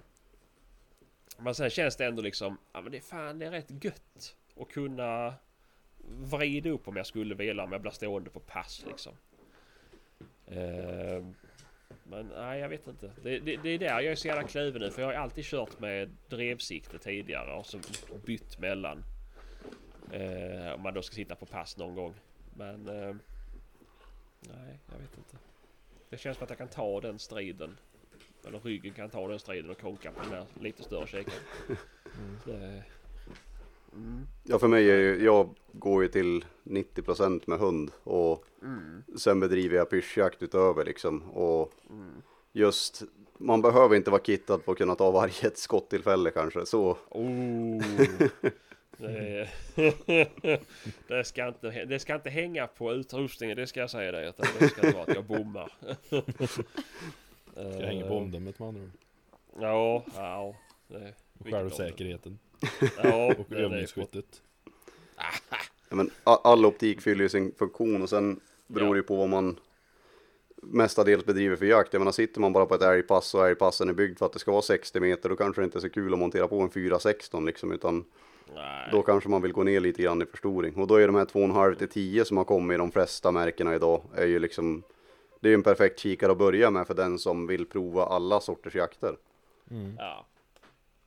Jo men såklart, såklart. Uh, nu sitter jag bara och lyssnar i babymotorn och ser vilket barn det är som skriker. För jag har bara jouren på det ena. Eh, men, uh, men vad säger- jag tänkte på en sak för ett litet tag sedan. Det säljs ju fortfarande fast förstoring. Ja, vissa, vissa märken har fast förstoring fortfarande. Va- va- Vad är det för någon? Är det älgjägaren som köper en fast 8 eller en fast 6? Ja, det, fast förstoring ger bättre ljustransmission, vilket ger det bättre ljusintag. Och det, det är egentligen vakjägare på vildsvin som, Okej. som köper dem med fast Ja, förstoring. Ja, okej. okej. Inte, nu känns det som att den marknaden kommer punkteras ganska snabbt med Ja, mörkersikten. Ja, ja, ja. För det är ju Men det som... har alltså varit det. Jag har börjat forska i mörkersikten nu för kanske fem sex månader sedan. Så fick jag mitt första mörkersikte på bordet och det är jag känner mig som en jag tror känslan av att vara en helt ny jägare har när de kliver in i en jaktbutik. Det har jag när jag får ett mörkersikte på bordet. Ja, ja, Det är liksom- ja, Det är så mycket andra, allting som man har diskuterat gällande alla andra produkter. Det här är något helt nytt. Det är millikelvin, det är pixlar, det är liksom Det är så mycket annat så att En datamaskin i den där.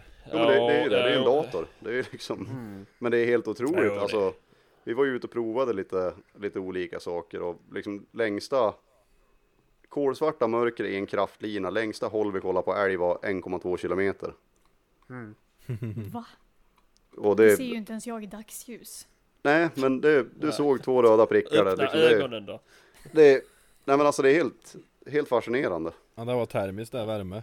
Ja, det var värmesikte. Ja.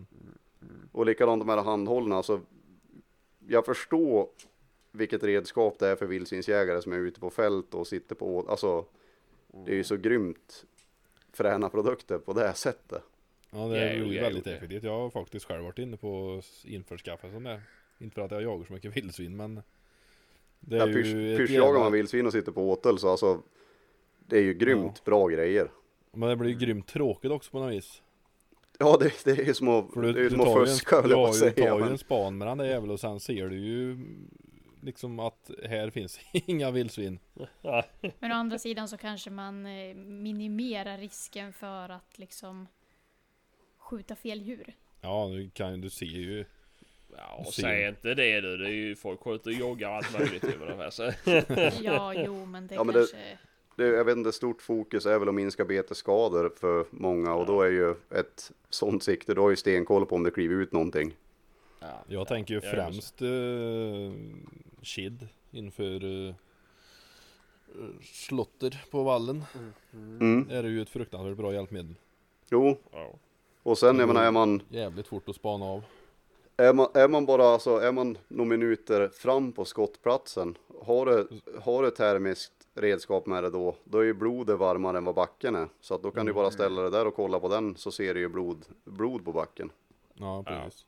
Så att jag menar bara en sån sak också och kanske i säg tre fall av tio så behöver du inte ringa dit en hund för ett dödsök. Utan du, du kan gå fram och kolla och du hittar grisen ganska snabbt. Eller att du följer efter grisen och ser när den lägger sig. Mm. Ja, För eller alla- trafikeftersök eller alla eftersök egentligen så måste det ju vara ett fruktansvärt bra hjälpmedel.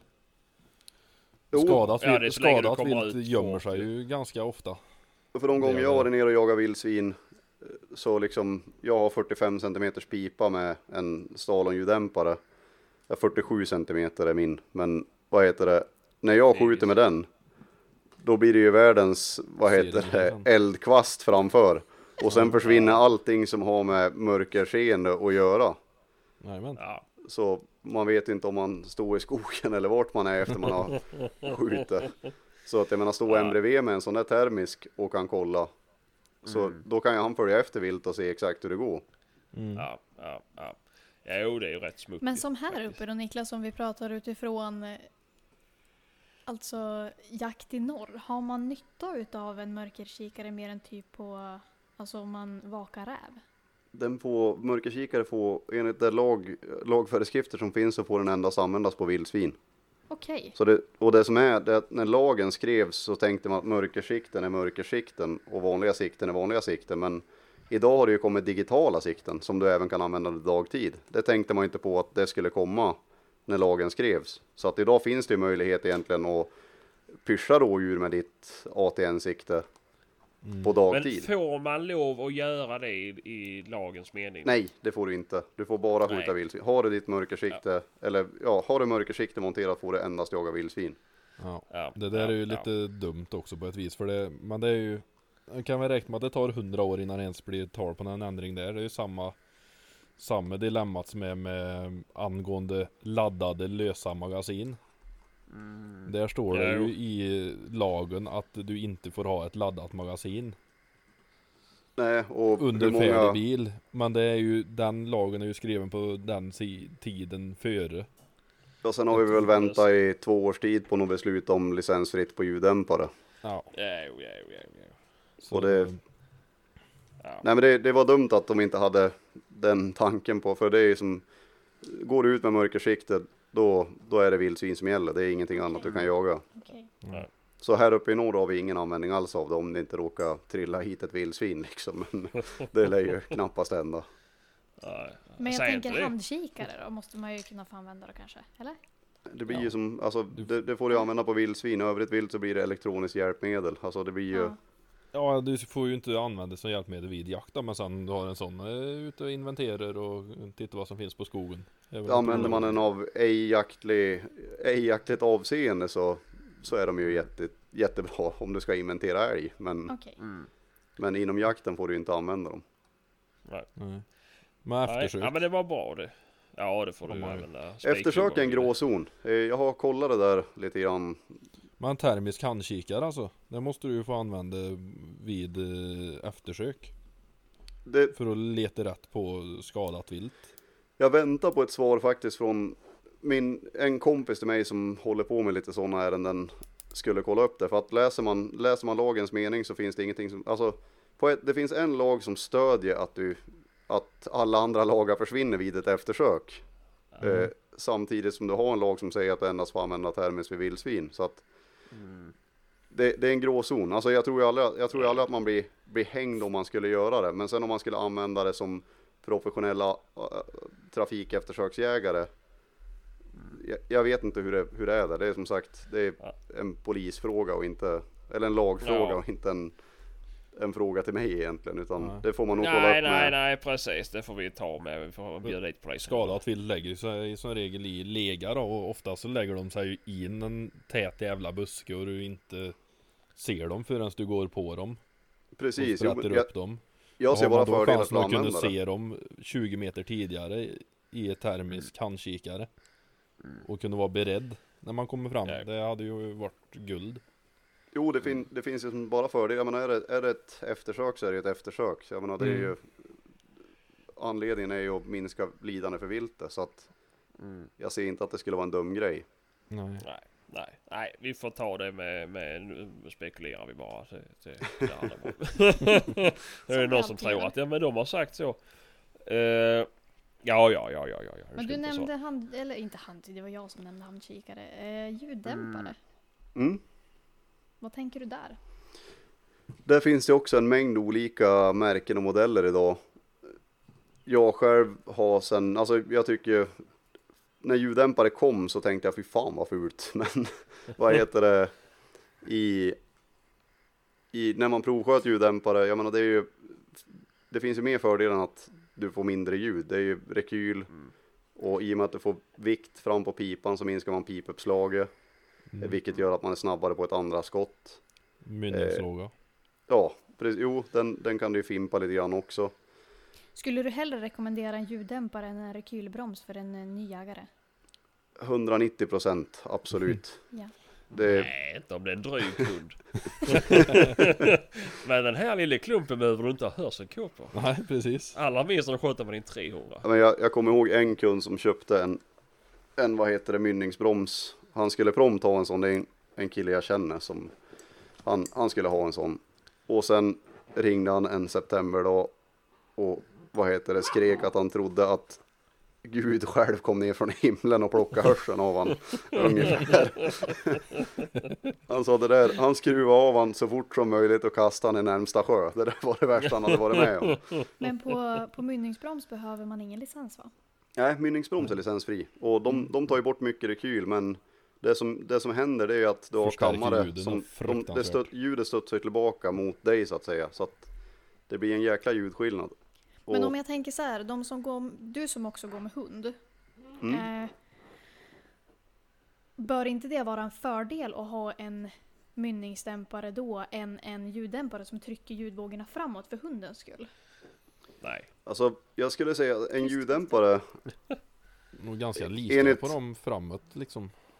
Ja, jag tror att knallen för hunden blir lika, och det är likadant det här med att man att ljuddämpare ska bespara hörsel för hundarna har jag svårt att tänka mig också. Däremot så centreras, alltså det är, bara man har lyssnat i skogen själv så centreras ändå ljudet i en viss riktning. Jag menar ibland har jag varit med om att folk har skjutit älg 600 meter bredvid mig men de har skjutit bort ifrån mig. Jag har inte hört ett ljud av det. Nej. Samtidigt som jag har hört folk dig skjuta på en... det- Precis, har man, är det någon på en kilometers avstånd som skjuter emot den nästa gång så hör man smällen. Mm. Så att Ja. jag tror att den riktar smällen helt annorlunda och jag tror att hundars hörsel vi har aldrig någonsin tänkt på det förut och jag tror inte att det är någonting som, jag menar vi skjuter med vapen. Det är, Ja. Mm. har man en Jo, hund som står nära är, ett ju, vilt så. det är ju det som är grejen för att hur eller hur så ska du inte skjuta mot hunden i alla fall. Nej, Nej. ju- Nej, Och men det jag- blir ju indirekt jag tror att är är man inne på ofta. 40 meter och hunden står, säg 15-20 meter bredvid så tror inte jag att smällen blir lika farlig där framme vid eh, älgen. För att en ljuddämpare riktar smällen på ett, ett vis. Mm. Och jag menar det är ju som, ibland så tar skott nära hundar vid eftersök eller vid jakt på farligt vilt. Och de smällarna är ändå sådana smällar som man är tvungen att ta för sin, e- alltså för sin egen skull. Mm. Det är ju som, jag menar kommer, kommer ett vildsvin i full fart emot den och hunden, så, alltså man försöker så länge som möjligt hålla smällen så, alltså borta från hunden. Men ibland så är det ju oundvikligt och de smällarna kommer alltid komma. Om man är fegis. Ja, just det. Eh, nej, men så är det. För jag vet om att det har funnits en tråd gällande det här med en gemensam vän till mig och Evelina. Och där vet jag att det var någon som dumpade någon typ rapport eh, om det här. Att det faktiskt var bättre med ljuddämpare än med mynningsbromsen just för hundarna.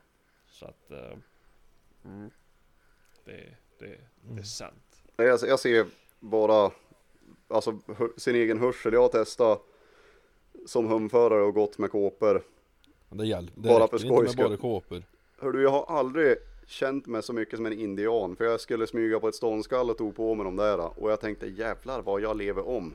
Men det var ju medhörningen i kåporna. Jag hörde ju eh, myrorna trampa runt på backen och jag på att säga. Så det, tog man av sig dem så var man ju ganska tyst ändå. Men Ja, ja, jo. Nej, jag ljuddämpare och just det alltså vid erfarenhet på, på vildsvin och björnjakt så med pipuppslaget. Jag tycker det blir, man blir mycket snabbare med ett andra skott Mm. när man har ljuddämpare just för att man, jag kör med Stalon VM 145 man, den största de har just för att få lite pipvikt.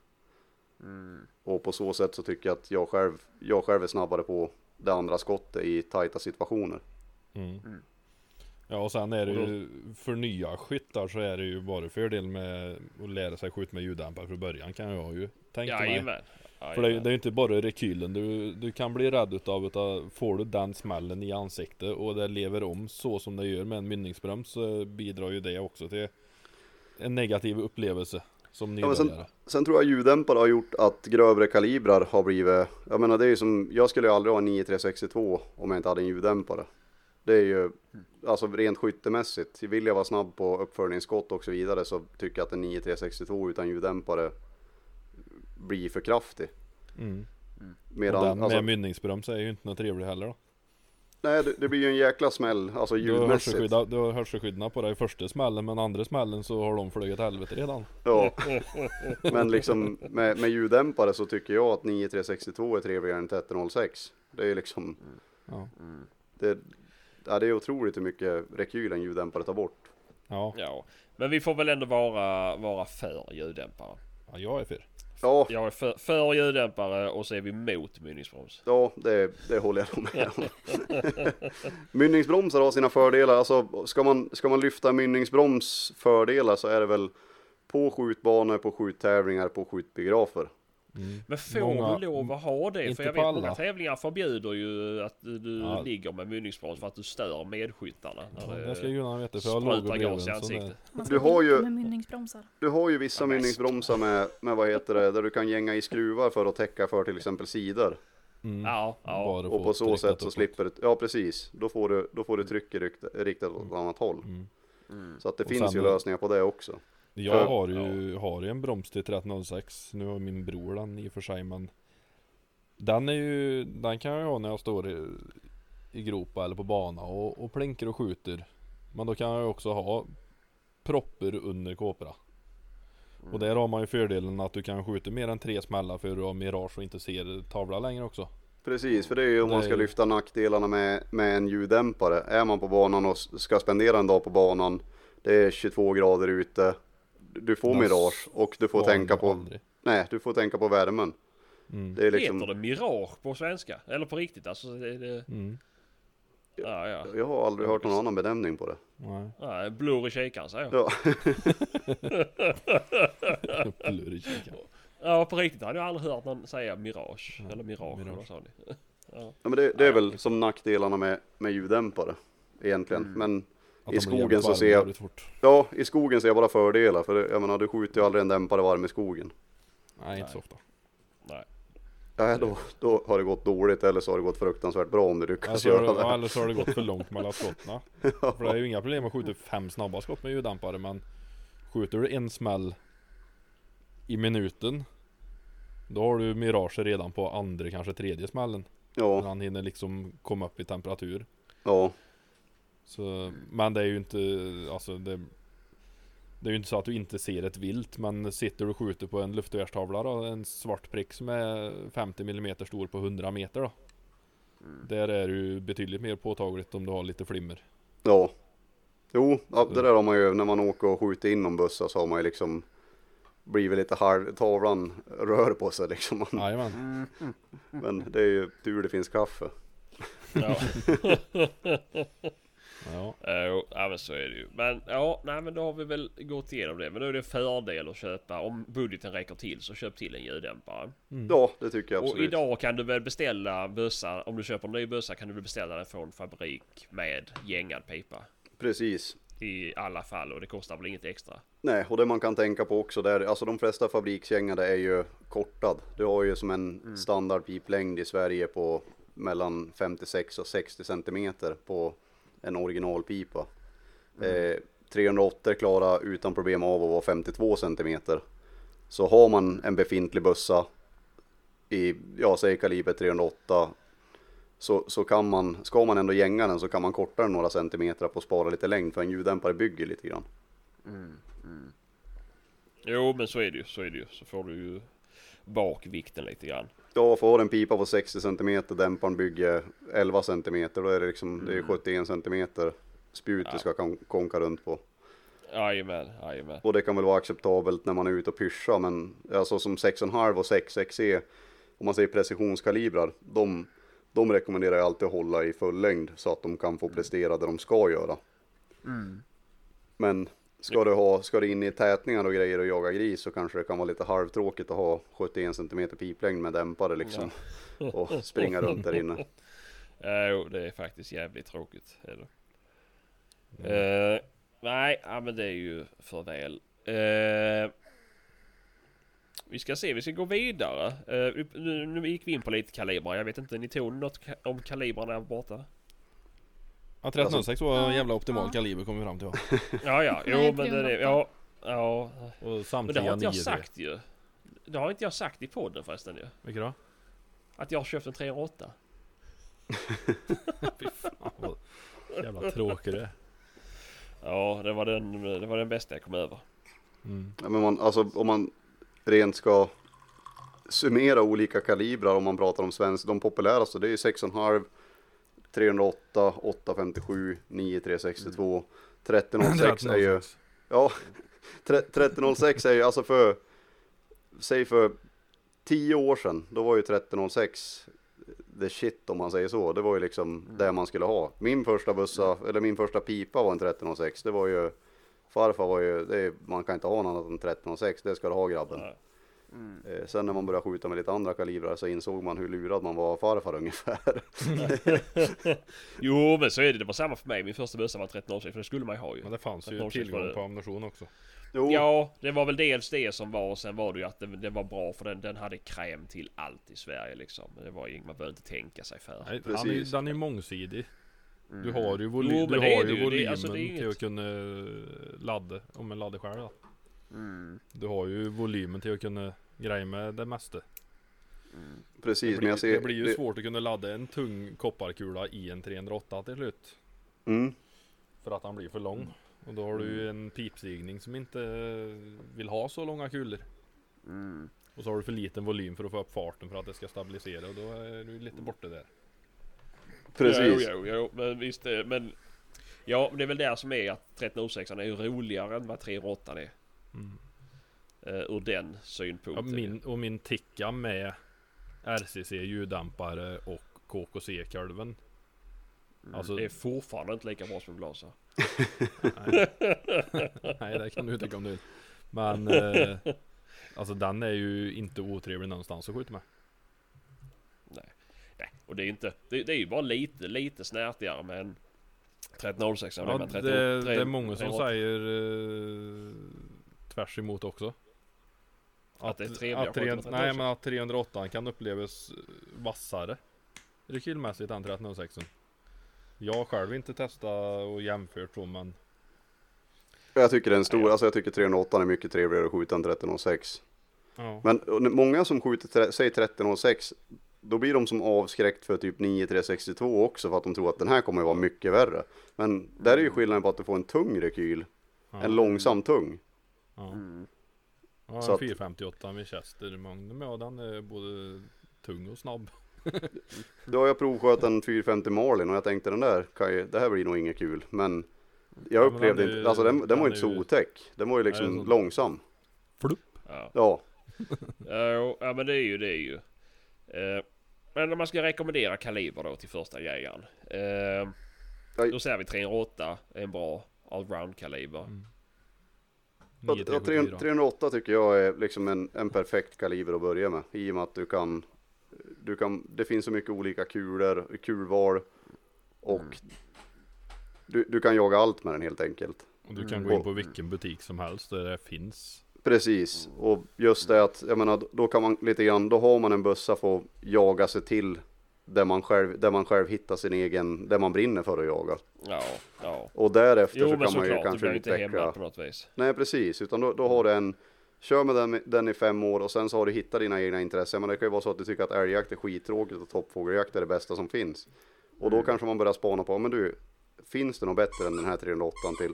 Ja, du, pipleksak ska vi inte ha nu. Tror jag, en liten räv. Jag Ja, tänkte det är perfekt för prägling. Nej men alltså det, det, då kan man spana sedan när man har hittat det man, det man brinner för. För det är ju likadant som ny jägare efter tre år. Men då kanske du står där med en jämthund och, och ska vara hum för ett älgjaktslag. Och då, då kanske man vill nischa sig till det och köpa en 857 eller 9362 liksom. När man har skjutit några älgar och vill hitta någonting som passar en bättre. Men då vill jag bara ställa frågan till dig då som står i butik. När folk kommer in då. och Nu har jag skaffat jämthund, nu ska jag bli, bli älghundförare. Nu vill jag ha en 9362 och en 857. Varför? Vad är, vad är argumentet till att köpa en sån kaliber istället för att fortsätta då med sig 308? Alltså, av, där kan jag bara prata av personlig erfarenhet. Må, många säger ju liksom att ja, den, den är mindre känslig för kvist och så vidare. Jag tycker att oavsett vilken kaliber man har så ska man ha kvistar i åtanke. Eh, men det jag själv har upplevt sedan jag bytte kaliber till 9362, det är alltså eh, täckning på vilt, alltså skott, eh, skottverkan. Jag, alltså sista älgen jag sköt med 13,6 var en, var en tjur på gångstånd på 20 meter rakt framifrån. Och jag, jag sköt, allting kändes jättebra. Han bara kastade och sprang iväg och jag stod där med skägg i brevlådan och funderade på vad, vad hände nu egentligen?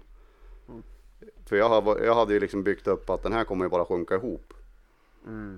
Men jag såg inte någonting, något tecken på att det tog liksom. Och, men den, den låg ju, ja alltså den, den dog ju 70 meter bort. Medans Ja.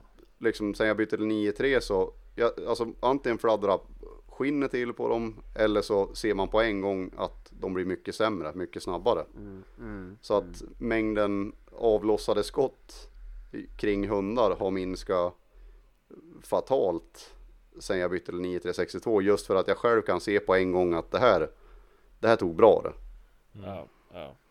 Och det är ju liksom likadant. Jag, jag tycker alltså björnar tecknar ju skott mycket mer än vad en älg gör. ja. En björn spelar ingen roll vad du skjuter med för kaliber så kommer han teckna bra. Men likadant flyktsträckorna på dem med 9362 tycker jag blir kortare. Mm. Men då är det det som är... Det- Det var vad som har gjort mig nöjd med, med vad heter det, just 9362 att de, de älgar jag skjuter på har jag sett på en gång att de blir dåliga. Ja, ja, ja. Och då, då liksom första älgen som jag sköt med 9-3, jag sköt, såg, såg direkt att det där tog jättebra så jag kunde bara dra bak slutstycke och stå och vänta. Ja, ja. Så det, va, ja, det är väl den ja, fördel ja. som jag ser i det hela. Likadant 857 har jag skjutit någon älg med och där, är lika, där ser man också en skottverkan bättre tycker jag än vad man gör på kaliber 30. Jo men där har du lite, du kan ju ha lite grövre kula och lite sådär. Så det, det är väl den fördel jag, jag själv har, har sett i det hela.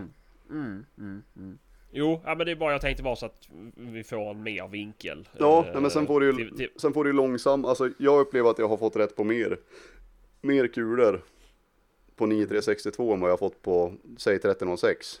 När det gäller Okej. kortare håll, i och med att du får, Ja. en, får en långsammare kula. Ja. Men det är alltså, det är som, som säljare i en jaktbutik så har man hört de flesta argument för de flesta, alltså alla där tycker ex, hur olika som helst om saker och ting. Jo, men så är det ju. Det, det, så är det ju med allt inom det här. Uh, Och det märker ju vi som har en podd och pratar om vad vi har för någonting så blir, får vi ju direkt höra att uh, nej, finns bättre eller det, det här ska man ha bla bla bla bla bla bla. Alltså det det blir ju vad man snöar in på, vad man tycker om. Eh, vissa tycker ju om att, få axeln ur led när de skjuter och vissa tycker ju det är jätteobehagligt och vill ha så nätt som möjligt ju. Det är ju Precis. men ju, man får väl hitta fördelarna för vad man gör. Eh, precis som du säger då, man jagar man bara älg till exempel och björn eh, och vildsvin. Då kan man gå upp i en grövre kaliber för då behöver du inte tänka på att du ska ha en grym kulbana på 300 meter. Utan det, det räcker med upp till 150 meter för min jakt. Ja, jo men precis. Så att det är ju liksom Mm. Det är alltid att lyssna på vad, vad kunden själv, alltså vad kunden vill ha för någonting. Vad de Vad kunden känner att det här, det här är vad jag vill. Och Ja. sen får man försöka bygga någonting ut efter det. Ja. Ja, ja men så är det. det Har det blivit mer populärt med skjutstöd nu sen man började fick skjuta upp med det på jägarexamen? Skjutstöd har väl alltid varit populärt egentligen. Sen har det ju kommit mycket, alltså förut var det skjutkäppar och jag vet inte. Mm. Jag har aldrig lyckats skjuta bra med en skjutkäpp. Jag skjuter mycket bättre fristående än vad jag gör med en enkelbenad skjutkäpp. Enkelbenad skjutkäpp är ju helt hopplöst det. Ja, jag tycker det. Alltså, du har ju de här, däremot den här Primus Trigger Stick med, Ja, en med trebent. Ja, Det är ju liksom, det är ju dag och natt. En sån, och fördelen jag tycker när man, alltså med en sån, det är att jag använder den jätteofta som stöd för handkikaren. För står Mm. man där med en åtta eller tio gångers handkikare, så liksom det, är det där ett vildsvin eller är det inte ett vildsvin? Eller alltså vad man än står och kollar på så blir det skakigt. Och då är det ganska skönt att kunna ställa ner benstödet och ta stöd med handkikaren på benstödet också. mm. Och sen, sen vad heter det, just som, alltså triggersticken eh, har ju samma gänga som de flesta kamerorna. Så tycker man om att filma så, så kan man ju använda, den är ju lätt att hantera själv om man ska ut och filma. Du håller in avtryckaren, han fäller ut benstöden så att det blir lagom för, alltså är det ojämn mark så fäller han ut benstöden rätt ändå. Mm. Så jag hade slipper ju man stå. faktiskt det nu sist när Patrik var uppe och jagade bäver. Och det finns en skottsikt, ja, nej det kan vi inte kalla det. Finns en, Nej, eh, vi har, du har ju lovat att det ska komma ut eh, blaserklick och allt möjligt. Jag har inte sett någonting ju. står och filmar det, zoomar in på en bäver som kommer simmande så fint på 6-7 meters håll och Patrik gör sig redo och ska nypetera den där. Men det, tyckte inte hans bössa. Klick sa det! Ja, det Så är- dök det är han så lätt fint bävern och simmade vidare. Mm. Ja. Ja, nej. Men eh, jag är ju inte mycket för triggersticks. Jag tycker det är ett jävla bös. Mm. Eh, det klonkar och de är... Nej, jag vet inte. Eh, jag har ju... Som hundförare så är det ju jävligt osmidigt. Ja, ja, ja men eh, nu tänkte jag inte då. Då har jag inte något sånt med. Men när jag går och påskar till exempel. Då har jag ju två piassavakvastar som sitter ihop. Typ så ser det ut. Eh, så man lägger det som i en klyka. Tycker inte det väsnas lika mycket. Bla bla bla bla bla. Och sen är den... Nej, jag vet inte. Sen bommar du ju ett helt rådjur på 40 meter på bockjakta då så Ja, ja, ja, ja. ja, Så det är ja, ja. om- Men det var ju inte... hade jag ju ingenting alls med mig ju. Nej nej. Nej, det precis. Ännu sämre. Ja, det var med liksom med kaststjärna på 40 meter. Försök det du. Men jag tror alltså gällande Gällande olika stöd, jag, jag har ju själv upptäckt att Alltså de flesta Det låter ju optimalt att ligga ner och skjuta Det är ju liksom Mm. Säg toppfågeljakten eller vad som helst så det är liksom Det är det mest optimala tycker man Jag skjuter som en kråka liggandes, alltså jag Det är ingen grej för mig utan jag har ju upptäckt själv att jag, jag skjuter mycket bättre sittandes Ja. Eh, och det kan ju vara lite bökigt med triggersticken. Den går ju att fälla ut så att du kan sitta ner med den. Men att ha tre benstöd och lyckas krångla sig in i den eh, blir lite halvsvårt. Så jag kör ju med Colwells eh, XLA-benstöd. De längsta som är monterad på rembygeln på vapnet då. De är ju Okej. kanon. Ja, De, de kör jag va? oftast när jag, de är ju tysta också. Så att liksom, Mm. de har jag Men oftast de när jag pyschar runt. på, på bockjakta. Ja, nej, men de det, är, det, det optimala är om man kan sätta sig bra, luta sig mot ett träd. Sätta upp fötterna, sätta armbågarna på knäskålar och så stå på, på det stöt. ja, Bättre jag, än så jag brukar som ta, ta benstöd, alltså benstöden lite närmare och lägga som ett tryck framåt. Ja, så att man alltså då får man ett jäkligt stabilt stöd. Och det är likadant Mm. toppfågeljakten, jag sitter hellre och, och skjuter. Jaha. Och det, jag vet inte varför, men jag, jag upplever mig själv skjuta mycket bättre sittandes. Alltså jag känner mig mer säkrare på att sitta och skjuta. Mm. Ja men det är ju lite som man ska hitta sin position ju. Jo, Eh, och det tror jag kan vara viktigt också. Även triggerstick är jättebra. Jag, jag använder dem mycket alltså, när jag är nere och jagar vildsvin i, i sådd. Alltså, Mm. ja inte i sådd, men alltså när man är nere ja, i, ja. Skjutsätt. nere i havren och Ja, där. Så att då blir det ju större. Det är ju lite svårt att sitta då, men Mm. Men som på bockjakt och toppfågeljakt och det så si- sitter jag alltid. Och det är, Ja. det är lite halvsvårt med benstöd eh, när det gäller toppfågeljakten i och med att du kan ju ha en meter snö under det så Mm. det brukar kunna sjunka rätt bra. Så där är det ju som stavarna. Jag brukar alltid kryssa stavarna och använda dem. Ja, Mm, ja. Ja, ja men det har du ju. Men det är kanske inget måste för en ny jägare att satsa på ett benstöd direkt. Eh, Det går ju, du kommer ju ganska långt på att hitta ett träd eller eh, en ryggsäck eller En pinne. liknande. Pinne, ja men vad som helst. Du behöver, man behöver inte gå och köpa ett, ett benstöd det första man gör. Man kan ju faktiskt prova lite, känna hur det känns. Jag tror ska man, ska man, det, alltså man behöver kanske inte köpa det dyraste benstödet på en gång. Eh, ska man, är det pyrschjakt man ska bedriva så ibland så, alltså om jag kollar på, säg bockjakt, eh, vårpyrschen och det, ofta så hittar man sig själv 15 meter ut på åkern och då finns det inte så många träd att ta stöd emot Nej. utan eh, och där kan jag uppleva att jag är en sån, alltså vid hundjakt då klickar mitt huvud in och jag gör allting instruktivt, allting som jag tränar på. Jag vet inte ens om att jag ska skjuta utan det bara smäller och allting går oftast bra. Vid pyrschjakt, då kommer jag ut och så sen mäter jag och liksom, ah, 140 meter. Ja, men tänk, tänk om jag liksom rycker till nu och det var länge sedan jag var på en skjutbana. Hur fasen går det här? Då hinner jag tänka att det är ett eftersök innan jag väl skjuter ens. Mm. Eh, och ska jag då vara utan ett benstöd, då, då skulle jag aldrig komma hem med ett vilt i ryggsäcken, det kan jag säga på en gång. Utan det är, Ja okej.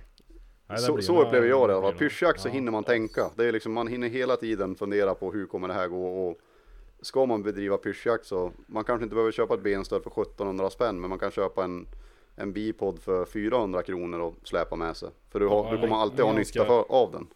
Ganska enkla medel så gör man ju faktiskt ett eget. Ja, Mitt precis. Jo, första man, skjutsteg gjorde jag. En egen klyka, det var ju två stycken slaner och så borra hål och skruva ihop dem lagom torrt. Så har du ju en sån Ja, käpp. jo det, det är ju sån jag har gjort ju. Ja. Ehm, för att jag är snål. Men... eh, nej, men... eh, vad heter det? Jag köpte faktiskt när jag var nybakad, köpte ett sånt där Harrys benstöd. Men det inte fan alltså, det användes ju aldrig. Jag har fått jättemycket tips på det, för jag letar ju benstöd. Mm. Och har gjort det i ett års tid nu.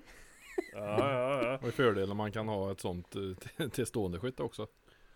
Ja, Men jag kan ju använda samma. Ja, det är ja har du inte så hög. ja. 1,50. Det är ju jag. Hej! Ja.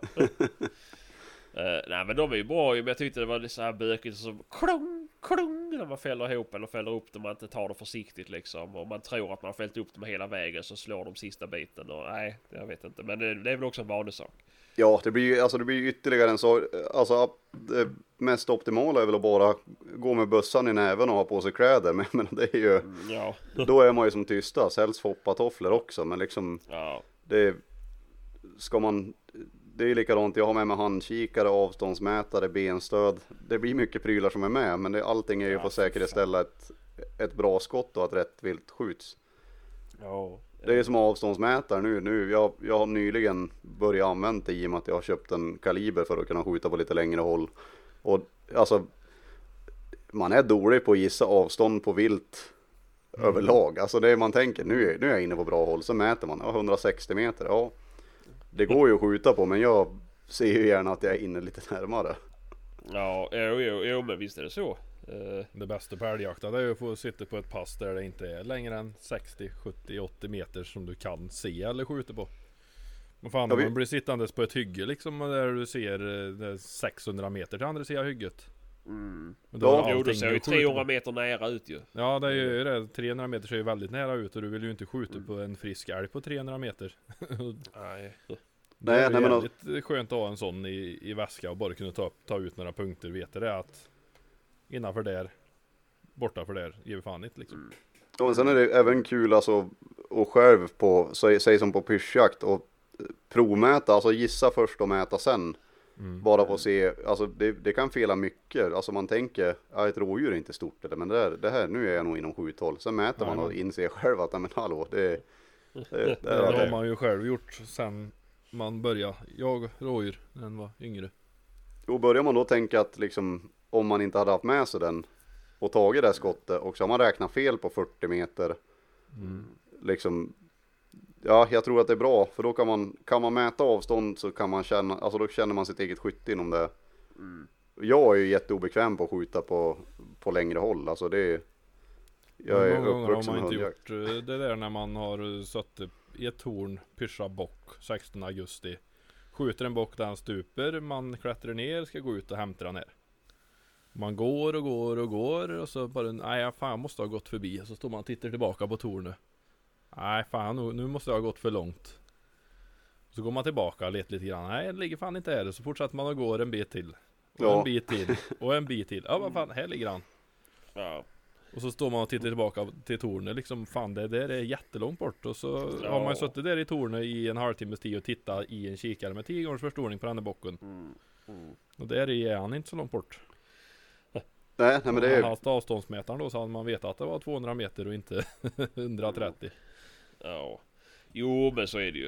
Eh, Men det är också bra att ha när man väl vet att det här ska hålla på med. För att visst du kan hitta en billig avståndsmätare men du vill ju också kunna se någonting i avståndsmätaren. mm. Eh, Så det är ju kanske inget man behöver köpa första, första besöket på jaktaffären. Men när man väl inser att ja, men det här är ju, jag tycker det är jätteroligt med toppfågeljakt. Eller jag tycker det är jätteroligt med eh, pyrschjakt på bock. Liksom. Då, då, ja, men då kan man unna sig en bra handkikare och en eh, avståndsmätare eller en kombinerad. Liksom. Det är ju det är var man vill stoppa sina pengar.